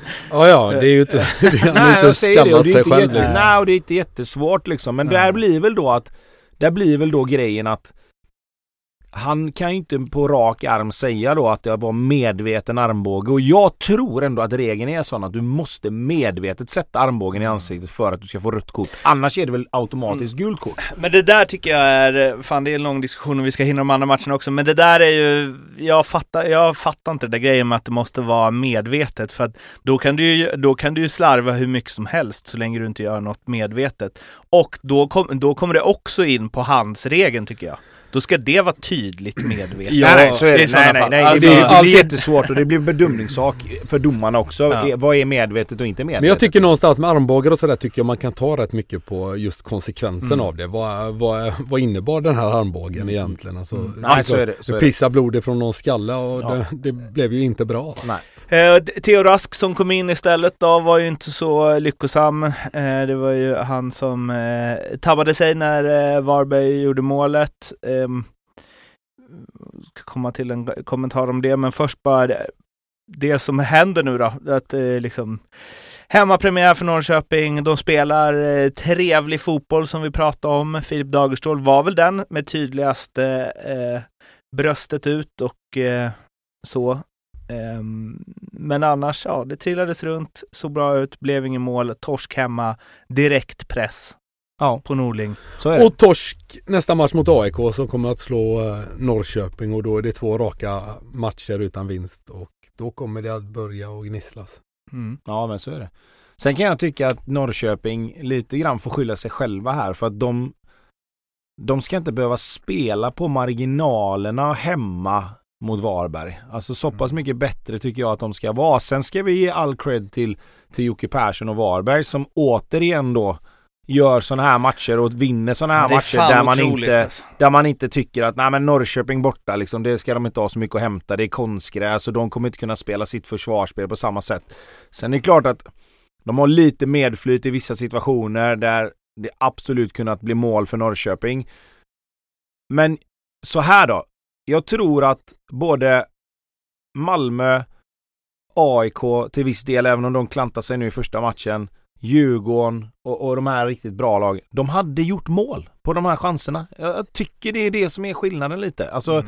de riktigt bra lagen utnyttjar sådana här spelövertag. Vi snackar om Hammarby, men de till slut så gör de ju också mål som gör att de vinner matchen till slut. Mm. Och, och jag tycker att vi pratar om att Norrköping blir lite, lite sämre varje år. Vi fick ju med oss eh, Sebastian Etta, va? som eh, sa att, att han tyckte det blev en klar dipp och sen har det blivit stadigt lite, lite sämre. För mig blir detta bara ytterligare ett bevis på det. Att, att man inte lyckas vinna en sån här match. Det, det blir så talande för just Norrköping på något sätt. Sen kanske de vinner sju matcher i rad nu och så får vi checka upp detta, men det finns ju ingenting som tyder på det. Men Nej, det finns ingenting som tyder på det. men jävlar vad de hade, som vi var inne på i lagavsnittet, eh, att de inte har, att de saknar lite liksom gritten och fulspel. För att de är ju alltså, Ishak och Ortmark där på mitten, det är ju, alltså om man skiter i hur det går, är det ju jävligt eh, nice att titta på. Ja, jätteskickliga Alltså, de- spelare, det är inte det. Det är inte det vi har pratat Men om det är innan. liksom ingen killer i det. Alltså, man känner inte att nu bara trycker de dit den. Nej, Alltså- för då hade de ju gjort det i Ja. den här matchen, lite som Tobbe är inne på här. Då hade, då hade de vunnit den här matchen och det är väl någonstans det som jag tror kan bli signifikativt för det hela deras säsong. Lite som Elfsborg var för eh, några år sedan, eller ja, kanske är tillbaks på det spåret nu. Vi får väl se om vi, vad vi kommer till när vi pratar om dem. Eh, ska avsluta Varberg, eller Norrköping-Varberg-snacket med... Eh, Ja, får, jag bara, får jag bara säga en grej först innan du avslutar? ja.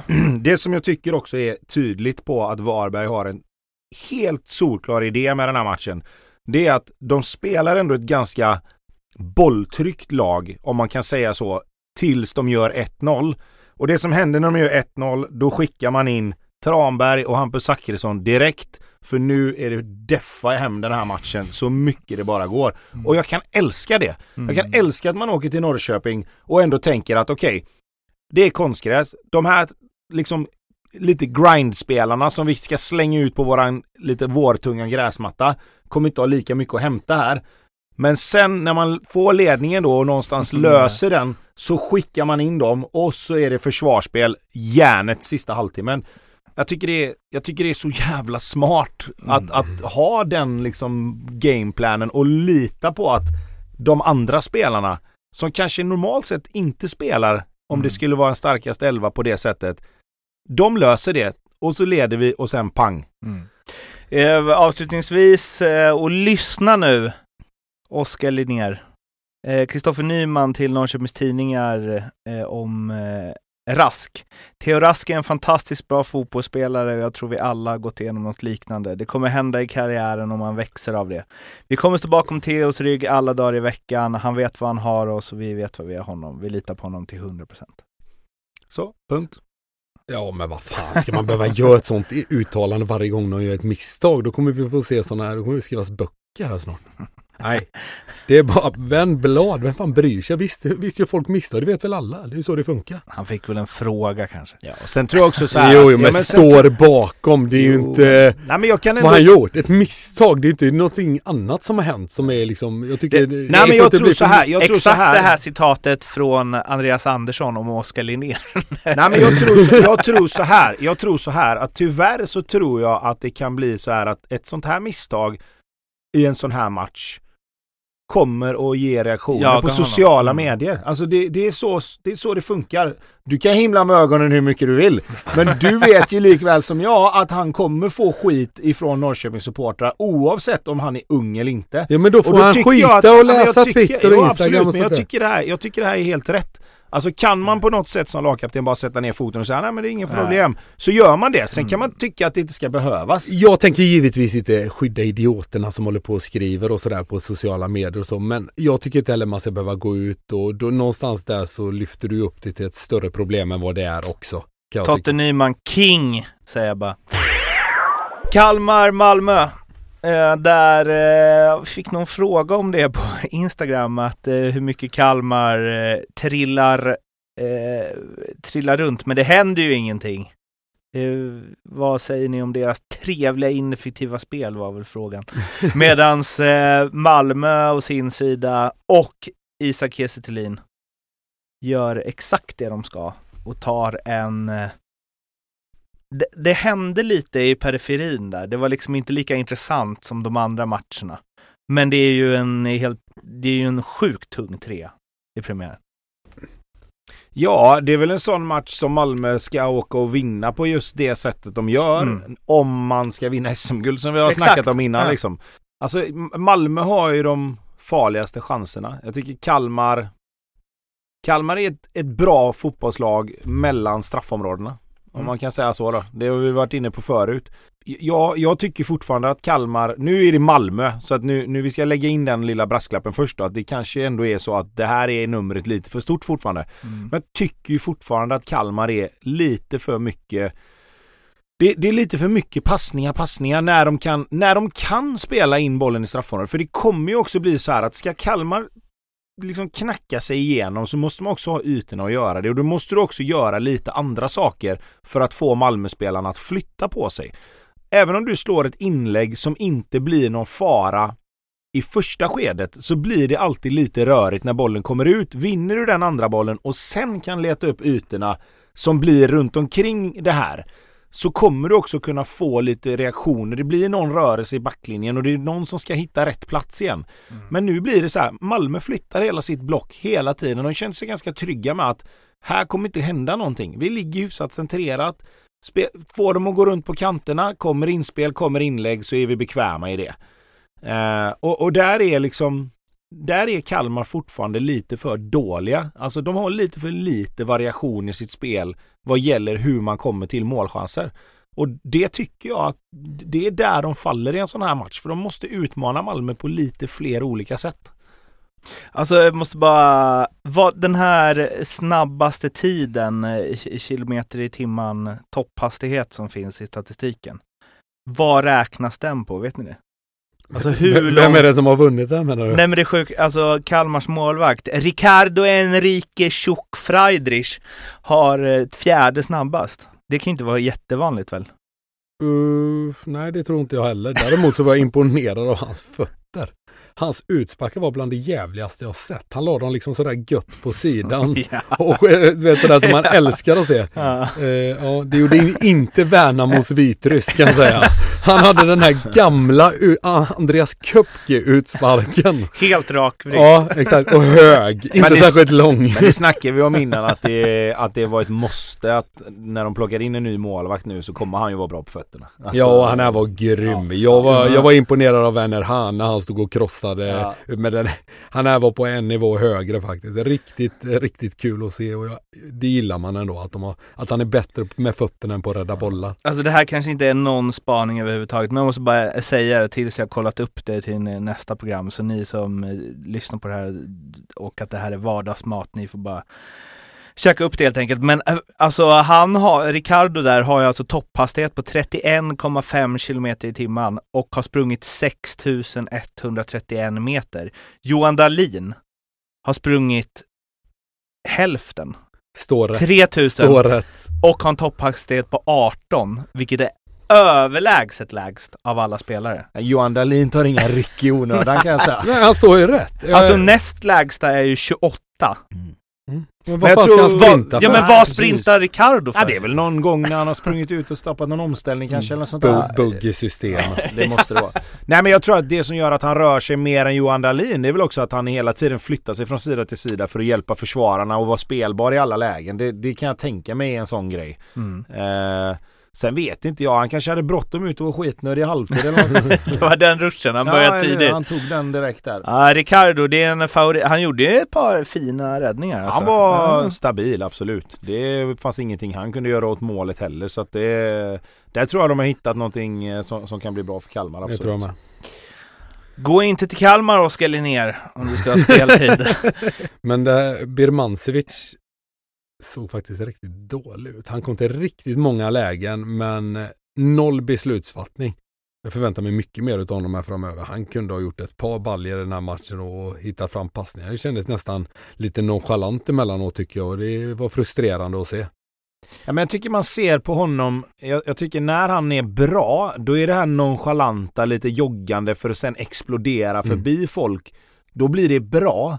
Men när han inte riktigt lyckas med det, då blir det precis som du säger, då ser han bara noschig och, och, och ointresserad ut. Och liksom, han har en hel del ganska bra målchanser och, och kommer till lägen där man tänker att nu då? Ja men nu då? Ja. Men, men det, han har inte riktigt fått det att, släppa. Han har gjort, man gjorde en hattrick i någon cupmatch men sen har det inte varit Nej, inte riktigt. Nej, den skärpan finns där inte det, riktigt liksom. än. Han- Sen kan det ha att göra med den bedrövliga planen också givetvis. Och han är väl kanske någon som är lite mer eh, hämmad av den skulle jag ändå tro med sin snabbhet och det här med. Han kommer till målchanserna med skärpan. Den är fan Fast, inte där då, just fast nu. då landar jag i det här liksom. Vi kan inte sitta och gnälla på, på aprilplanen när det ändå är gräs. Alltså fan, vi får sluta med det. Det, ska, det är så det ska vara i april liksom. Och bra spelare kan behärska alla underlag. Så Exakt. Alan det- Shearer hade gjort mål. Det blir liksom, ja men det blir en icke-fråga för mig att börja gnälla på gräsplanerna i april. De är som de är liksom. Nej, de Det ska vara så. Sen gillar jag ju när Ola kommer in och på 1-0 målet då när han kör en sån gubbajogg in i första ytan. Alla Kalmars försvarsspelare liksom tar ett steg framåt för att Ola kommer in där och ja, titta vem som blir fri på bakre. Kiese Thelin som bara rakar in och, och det är liksom bara för att Ola ja, halvjoggar in i straffområdet och ja, Nej, sen, kan jag, sen, sen ska jag säga så här att på tal om Ola att att komma in och ändå vara så pass skarp i bollbehandling i liksom passningsspel och ändå ha den blicken direkt. Alltså att han är en bra passningsspelare, det vet vi ju. Men att göra det efter så lång tid i ett sånt inhopp är fan imponerande. Alltså, Nej, han var jättebra han kom in. jäkligt bra Sen så tror in. inte jag att han är någon nummer nio överhuvudtaget längre utan han kommer användas på mitten i en liten framskjuten roll när han kommer in eller spelar från start. För där tycker jag han gör sig som allra bäst vid den här åldern och med, med sin skada. Erik Larssons inlägg är ju helt fantastiskt. Han påminner lite om Michel Salgado. Här, han spelar med stjärnorna och, och gör det alltid bra. Tuffar runt där på sin högerkant. Det är ingen som vet knappt vem det är men gör det alltid bra bland alla de här stjärnorna. Eh, Underskattad spelare faktiskt. Det är Och ett helt man- fantastiskt inlägg. Gary Neville. Det är typ. när man har så här startelvan i Champions League-finalen 04 quiz. Då är det alltid någon man glömmer och det är alltid Salgado. Och Fan vad Erik högerback Larsson. i Real Madrid nu. Eh, Elfsborg-Mjällby eh, och om då Norrköping åkte på en eh, riktig smäll i premiären, så vad gjorde då Elfsborg egentligen? Eh, återigen, jag måste, nu har Johan Martinsson nämnts lika många gånger som hockey i det här avsnittet, men han seglar upp som en liten favorit i här. Han skrev ju, för Mjällby var ett av lagen han har tänkt att Sundsvall ska bakom sig. Så när jag gjorde 1-0 så twittrade han ju, vad fan Elfsborg? ja, nej, det får bli en resa upp till Sundsvall känner jag med lite, ja, verkligen. med lite anekdoter och sånt där, där uppifrån. Ja, nej, det är en blytung eh, seger för Mjällby ja. såklart. Eh, ja, vi kommer till de här två straffsituationerna och ska vi bara lägga all fokus på, på domslut och kan vi hålla på länge men för mig är det ju två solklara straffen den första då när skottet på handen, den, någonstans är den ju på väg mot mål. Mm. Eh, och det är den ju inte längre när den tar på honom, på hans hand och den är rätt, ligger utanför kroppen och sådär. Så den är ju solklar. Den andra är fruktansvärt dåligt försvarsarbete. Han sträcker ut en fot nästan som åt igenom men inte lika tydligt kanske. Men den måste de också ta. Du har en linjedomare som springer och är helt, som springer och tittar rakt fram på situationen och och de har ju liksom ett headset, kommunicerar med varandra. hur svårt är det? Men vad menar de? Att han faller för lätt eller? Nej, jag, jag, tror det. Jag tror, att de, jag tror att de tycker att det är skuldra mot skuldra, att han bara flyttar på honom. Men det ser man ju rätt tydligt.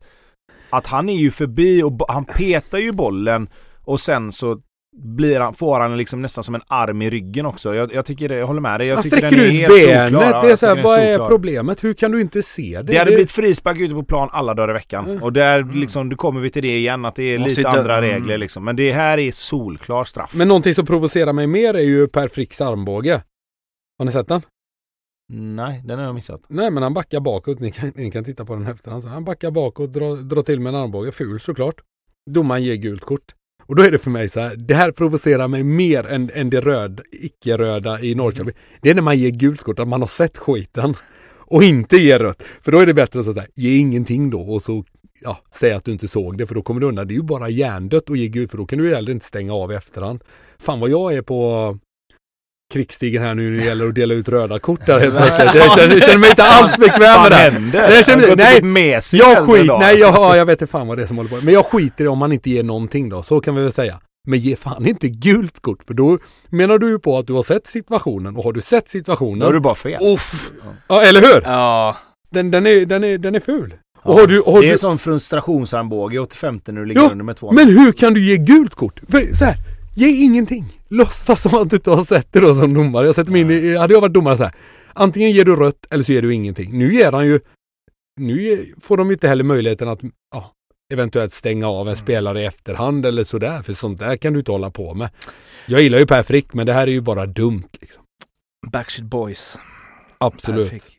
Ja, ehm, Mjällby starkt. Löken knoppar in Moro. Står för både ett eh, mål och en ass. Och honom vill du Nej, Moro gör en jättebra match. Jag tycker han, eh, jag tycker han verkligen kliver fram och, och, gör det som han ska göra. Han är ju, det är ju en snabb spelare, så jag tycker han får ut lite för lite, eller har fått ut lite för lite av sin snabbhet i, i matcherna, just i sådana här matcher också när de ligger lite lägre och ska, och ska kontra. Det är ju perfekt match för honom. Men det vi ska komma till sen, först och främst bra inlägg av, mm. av eh, Moro. Men här har du också skillnaden på en spelare som är 30 plus och en spelare som har vuxit upp på konstgräs. Löken, han går upp och knoppar in den här jävla bollen med en Kenneth Andersson skalle alla Ryssland mm. som du sa mm. Pontus. Jävla fint. Men grejen är så här att det är inte många spelare som, som kommer upp nu som kan nicka så. Mm. Och jag tycker liksom, fan, se och lär liksom. Mm. Där har du en gammal anfallare som har lärt sig och liksom allting. Du måste kunna, alltså det är egentligen, det är ingen svår nick på det sättet, men han går upp, hänger över sin försvarare och bara trycker in den. Nej, nej, så självklart bara. Nej, nej, visst är det så. Kiese har ju också en eh, som är, ja, men det är beslutsamt. Det, det, ska nickas och den ska in i mål. Eh, försvararna nu för tiden kan ju inte heller nicka utan de är ju bättre med fötterna än vad de är på huvudet.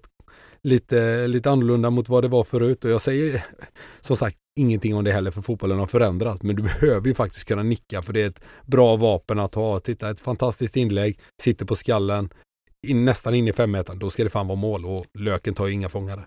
Måste bara, Varbergs försvarare kan nicka.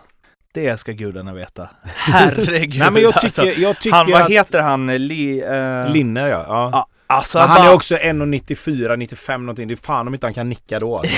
jo, Det är ju men- som att Peter Crouch hade varit dålig på huvudet. men han vann liksom mot två Norrköpingsspelare flera gånger. Bara, Nej men så är det. boom. Nej men så är det. Nej men jag tycker så här, det blir lite så här, åh det var bättre förr. Men, men problemet blir ganska mycket för mig att jag säger inte att alla, alla måste kunna nicka för att det är olika, det är olika spetsegenskaper på olika spelare. Men är du forward i allsvenskan, i liksom landets högsta serie, så måste du kunna nicka bollen i mål om du får den på huvudet in i straffområdet. Alltså det är det jag tycker, det är för många som har för dålig teknik. Alltså vad, liksom, jag köper att på konstgräs att det blir mer inspel efter backen och det är liksom inte riktigt samma, det är inte samma spel och det är som Pontus säger, spelet förändras absolut, men är du, är du allsvensk anfallare så ska du fan kunna nicka åtminstone liksom. Alltså du måste kunna kräva det av en spelare att då får du ställa dig och nöta lite för fan kommer det en boll i 89 minuten och det liksom blir att du behöver forcera lite då måste du kunna ha någon du, du ska liksom inte ha den här sköldpaddetekniken där du viker ner hela jävla huvudet mellan axlarna och så går bollen rätt upp. Som, eh, Kwakos var ju lite, det var ju en konstgräsnick. När han, han sen går ner Ja, det på var det. knä Det, det var Ja, det. ja, ja, absolut. absolut. Placera in den. Men han gjorde fortfarande mål. Ja, han kan fortfarande Ja. nicka liksom. Det är ju så. Ehm, slutligen från den här matchen, 4380 åskådare och absolut, det var dåligt väder, men det är det väl alltid i Borås? Det är väl ingen ursäkt? Ja, de vill väl profilera sig som, eh, ja, jag vet inte, ett utav västkustens eh, största lag och sådär. Men det är ju inte större än vad Häcken är just nu och det är väl väldigt besvikelse tycker jag. Ja, det Med tanke på vad de siktar på för valörer på medaljerna också så tycker Ja. jag att det är rent ut sagt bedrövligt. Inte Eh, värda mer än 0-2 mot Mjällby. Nej, jag kan, man kan, så kan man ju se det men jag tycker, jag tycker det är liksom, hade jag varit Elfsborgsspelare och kommit ut på line-upen och sett att det var så tomt som det var i en allsvensk premiär, hade jag nästan blivit förbannad alltså. Nej jag menar Jag att publiken inte- inte var värda mer än... Nej, Eller ja, nej, de var ju för sig sett- där, så nej, de men var så, ju... Ja, nej men mm. precis, men jag, jag kan liksom bli så här att, och här blir det ju lite så här tabubelagt för att hade någon utav Elfsborgs spelare efter den här matchen gått ut och sagt att liksom, jag fattar inte hur det kan vara så lite folk. Det kan du inte göra när du förlorar såklart, för då blir det så här, ja men spela bättre. De hade ju rätt liksom. Nej, De som stannar hemma. Nej men visst var det så, det blir, det, nu blir det ju så. Men jag kan ju tycka, jag, alltså 4000, alltså då snackar vi, det finns ju lag liksom, alltså det här Ja, men vad har, Bo, vad, har topplag. Bo, vad har Borås annars? Nej, de, Sys- de, har, de har haft det är väl det. problem liksom, men de har, också, de har också haft lite problem med publik. Men du kan ju, hade det blivit 6-0 så hade ju någon kanske sagt något va? Ja men jag tycker man ska kunna göra det ändå. Ja, jo, alltså, absolut. jag, jag köper det väl inte, det har väl inte med saken att göra. Alltså att det är 4300 på Varför en allsvensk ni? premiär. Publiken. Nej, det kan du inte göra, men det- jag tycker inte, jag hade liksom, En snabb tweet efter uppvärmningen. ja eller hur? Oskar Linnér i Elfsborg direkt såga publiken innan avspark. Ja, Fel på det också. Eh, Djurgården-Degerfors, eh, sista matchen eh, och eh, jäklar i mig vad blek Viktor Edvardsen var första halvlek. Men sen Aj, hände något. Så här då. I helvete vad bra Djurgården var första 30 Ja. kontra vad de var sista 15 i första. Jag vet inte vad som hände men eh, ja. Vi var inne på det lite med Blåvitt innan att de var bra första 30 och jag tyckte att Djurgården var ett strå vassare. Eh, De var riktigt bra. Hien hittar in på Haksabanovic som bara vänder och smäller dit den. Mm. Och efter den passningen från Hien så har han inte ett rätt. Utan det flyger bollar i virket, han glittrar, han kommer snett på det. Han är en Eh, försvarsspelare som är rolig att titta på om man inte håller på det laget. Ja, ja precis, men, men samtidigt ska jag inte ta ifrån han. Det är det jag tycker är lite konstigt. Han har en jättefin pass när han slår ut lagdelar till Haksabanovic som ett, ett jättefint nummer när han vänder och, och bara smäller dit den. Där borde du någonstans få självförtroende som back att du inte in den. Från att sen göra ett misstag och allt bara vänder för honom och liksom han blir en, en säkerhetsrisk Mm. i, i resten av första halvleken. Sen tycker jag i andra halvleken att de tar tillbaka taktpinnen lite och ja, sen blir ju Edvardsen gör en riktigt bra match. Fick jag äta upp för att jag sa att han inte alls skulle producera men såklart man- han gör det riktigt bra. Men jag tror aldrig jag sett någon vara så eh, osäker på hur han ska fira. Alltså det är verkligen en eh, hybridfining det första, så här dämpade, Men sen så var det som att armarna som han höjde för att dämpa, de liksom fortsatte upp istället. Jo, och jag vet inte vad jag ska tycka. Jag tänker att Tobbe får ta den här pucken snart här, men eh, jag tycker att när man gör mål, det är givetvis upp till var och en, men man, ska, fan, fan, man ska vara glad när man gör mål och det är man ju. Ja. Så då tycker jag man, man, man behöver ju inte köra fuck you-fingret till, till, till, till de fans. Man, det behöver man ju inte göra, men man ska ju givetvis Ja. vara glad. Tobbe firar ju inte när han gjorde mål mot Djurgården och det blev ett par. Du kanske ska... Gjorde, Nej, du inte, gjorde du aldrig det? Nej, det, de gångerna jag gjorde mål när det, var, alltså när det var bra i matcherna så gjorde jag inte det. Eh, sen var det något mål jag gjorde när vi låg under med typ 3-0. Då fanns det ingenting att fira typ. Men det är ju en annan sak. Det var ju bara Mm. upp till mittlinjen. Nej men jag, så här, jag, jag tänkte så här i alla fall att Dels så handlar det om, för min del så handlar det om att det här ändå, det, det hade varit mina fans liksom under en, under en period i, i min karriär som gick väldigt, väldigt bra. Fått mycket stöttning, fått mycket stöd. Eh, hade dels jättemånga fortfarande som spelade i laget som, som jag hade spelat ihop med och sen även många i föreningen som Ja men som hade hjälpt mig väldigt, väldigt mycket. Jag var rätt ung när jag kom upp till Stockholm och fick otroligt mycket hjälp av, av alla runt omkring och där någonstans blev det väl att Ja men jag tänkte så här att nej men jag, jag vill visa att jag fortfarande liksom uppskattar det och, och därför så gjorde inte jag det. Sen så håller jag med Pontus. Jag tycker inte det är något konstigt i att Viktor Edvardsen firar. För att det, det gör man som man vill och jag säger att det gör ju inte att han har mindre respekt för, för Degerfors liksom. Alltså det snacket kan bli lite trött på att man, att man firar och bara ah, men jag har ingen respekt mot dina gamla fans. Det är ju lika mycket egentligen i så fall respekt mot sina nya fans Mm. och det var väl det lite grann som jag då kanske fick efteråt att ja ah, men nu spelar du ju här och du har alltid hållit, hållit på Blåvitt liksom och jag försökte då liksom bemöta det då i sin tur med att jo men vad fan det liksom jag kan fira i alla andra matcher och det är liksom inte det det handlar om. Alltså låt mig göra som jag vill och det är väl där någonstans man landar att alla får väl göra som de vill. Alltså på något sätt. Icke spelbart odds dock på att Tobbe inte skulle vilja stöta sig med någon. nej, nej men så kan det vara. Det, och, och jag ska säga så här. Det, det är väl, it's funny 'cause it's true. Det är det man Ja, säger. ja. Nej men så är det ju också. Alltså jag är ju mer, jag ska inte jämföra med Viktor Edvardsen i personlighet och, och utstrålning och sådär. Alltså jag är en snäll kille som gärna gör ja, det Snälla som, saker. Ja, precis. Mm. Lite så. Medan han kanske lite mer är, går mot strömmen och så. Fan vad man längtar till eh, att eh, Jallow spelar i typ eh, Norrköping, gör mål mot, eller gör en assist mot Blåvitt och bara glider ner på knä. Ja, kanske. Eh, Kanske. men men Degen då, för en sak som ändå var, tyckte jag, respektfullt Edvardsen, han hyllade ju verkligen motståndaren efter i intervjun, han, hur de spelar och liksom att han var imponerad över deras insats eh, och eh, det går förstås, det, det lätta är att plocka ut Djurgården här, Edvardsen gör mål direkt, två stycken, Haksabanovic gör mål direkt. De fick som de ville i det, men Degerfors hade fyra ramträffar. Nej nej, Degerfors gör en jättebra match tycker jag. Alltså Mm. bortsett från första halvtimmen, när de sen lite grann för att Djurgården börjar göra de här enkla misstagen. Alltså de har ju, det blir ju lätt så i en matchbild också att när du är så överlägsen som Djurgården är så så blir det något litet misstag, det blir någon felpassning på fel ställe i plan där Degerfors får någon omställning och får någon målchans och känner att fan, vi kan skapa chanser. Djurgården känner fan, det är bara 1-0, vi får, skärp, vi får passa oss här lite liksom. Och, och där, den pendeln svänger ju över ganska snabbt när det blir så. Ja, Det är ett momentum switch när Hien börjar eh, att darra. Han, han har någon felpass, det blir en, en ramträff. Anfallet efter, glidtacklar han själv i stolpen med en jävla, på något jävla vänster så går den inte in. Eh, och då ser man ju alla börjar helt plötsligt darra. Hela Djurgården blir ju så här, varenda passning blir liksom så här krampaktigt och ger bort ansvar. Och, ja, det är så jäkla märkligt att se liksom då och, och, och Degerfors å sin sida gör jättebra efter det när de kommer ur det och gör, som du säger en jättebra match. Men Djurgården är tunga och de har den skickligheten framåt framförallt som gör att det blir liksom in, inte riktigt någon fara ändå.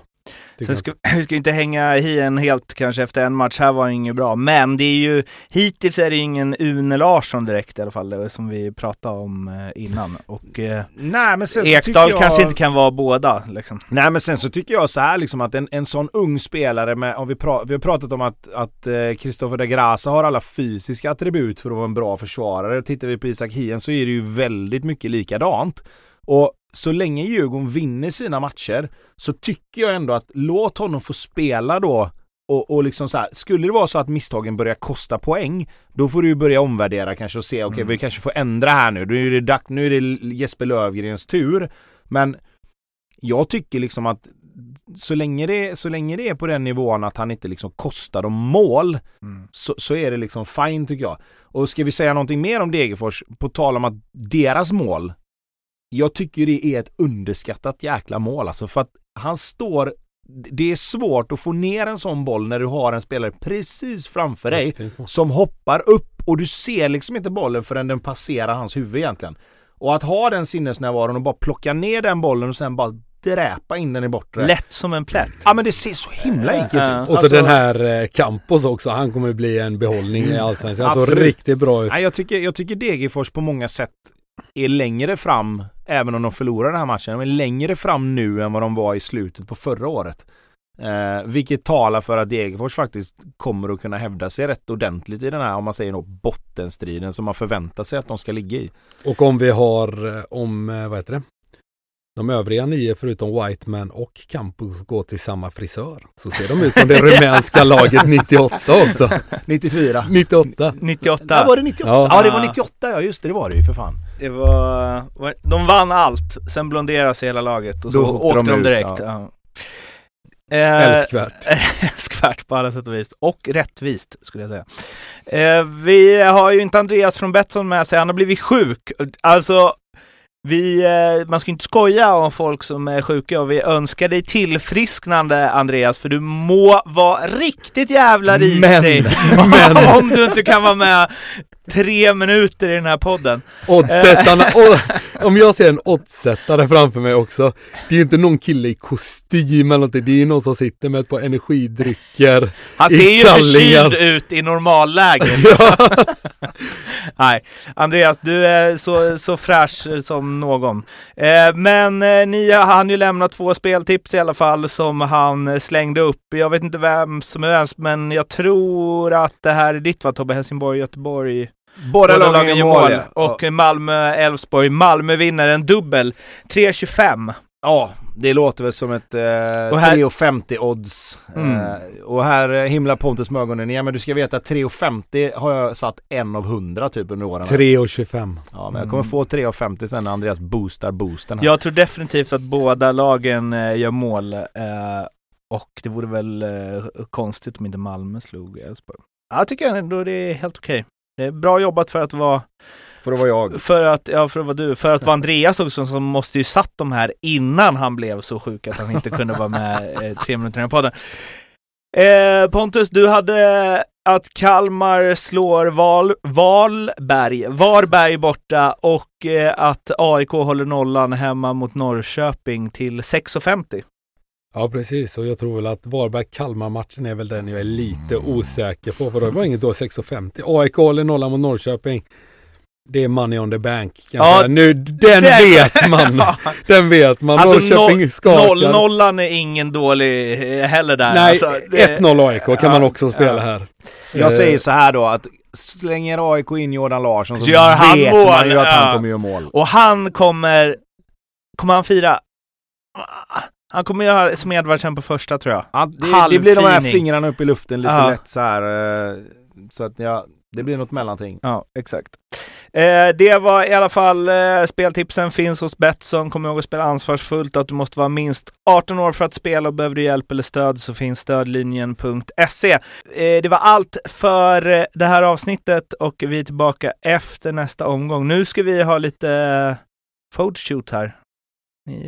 Lite photoshop tror du? Ja, ja, det är väl det som kommer få bli efter Ja, de kommer, få, de kommer ja. få jobba där. Ja, här har de eh, en utmaning på bildbyrån. Eh, vi eh, hörs igen om en vecka tills dess. Följ oss på, skriv till oss på Instagram, Twitter, följ podden så ni inte missar några avsnitt. Och framförallt, var inte som Oskar Linnér. ha det gott, hej! Ha det bra! Hej, hej!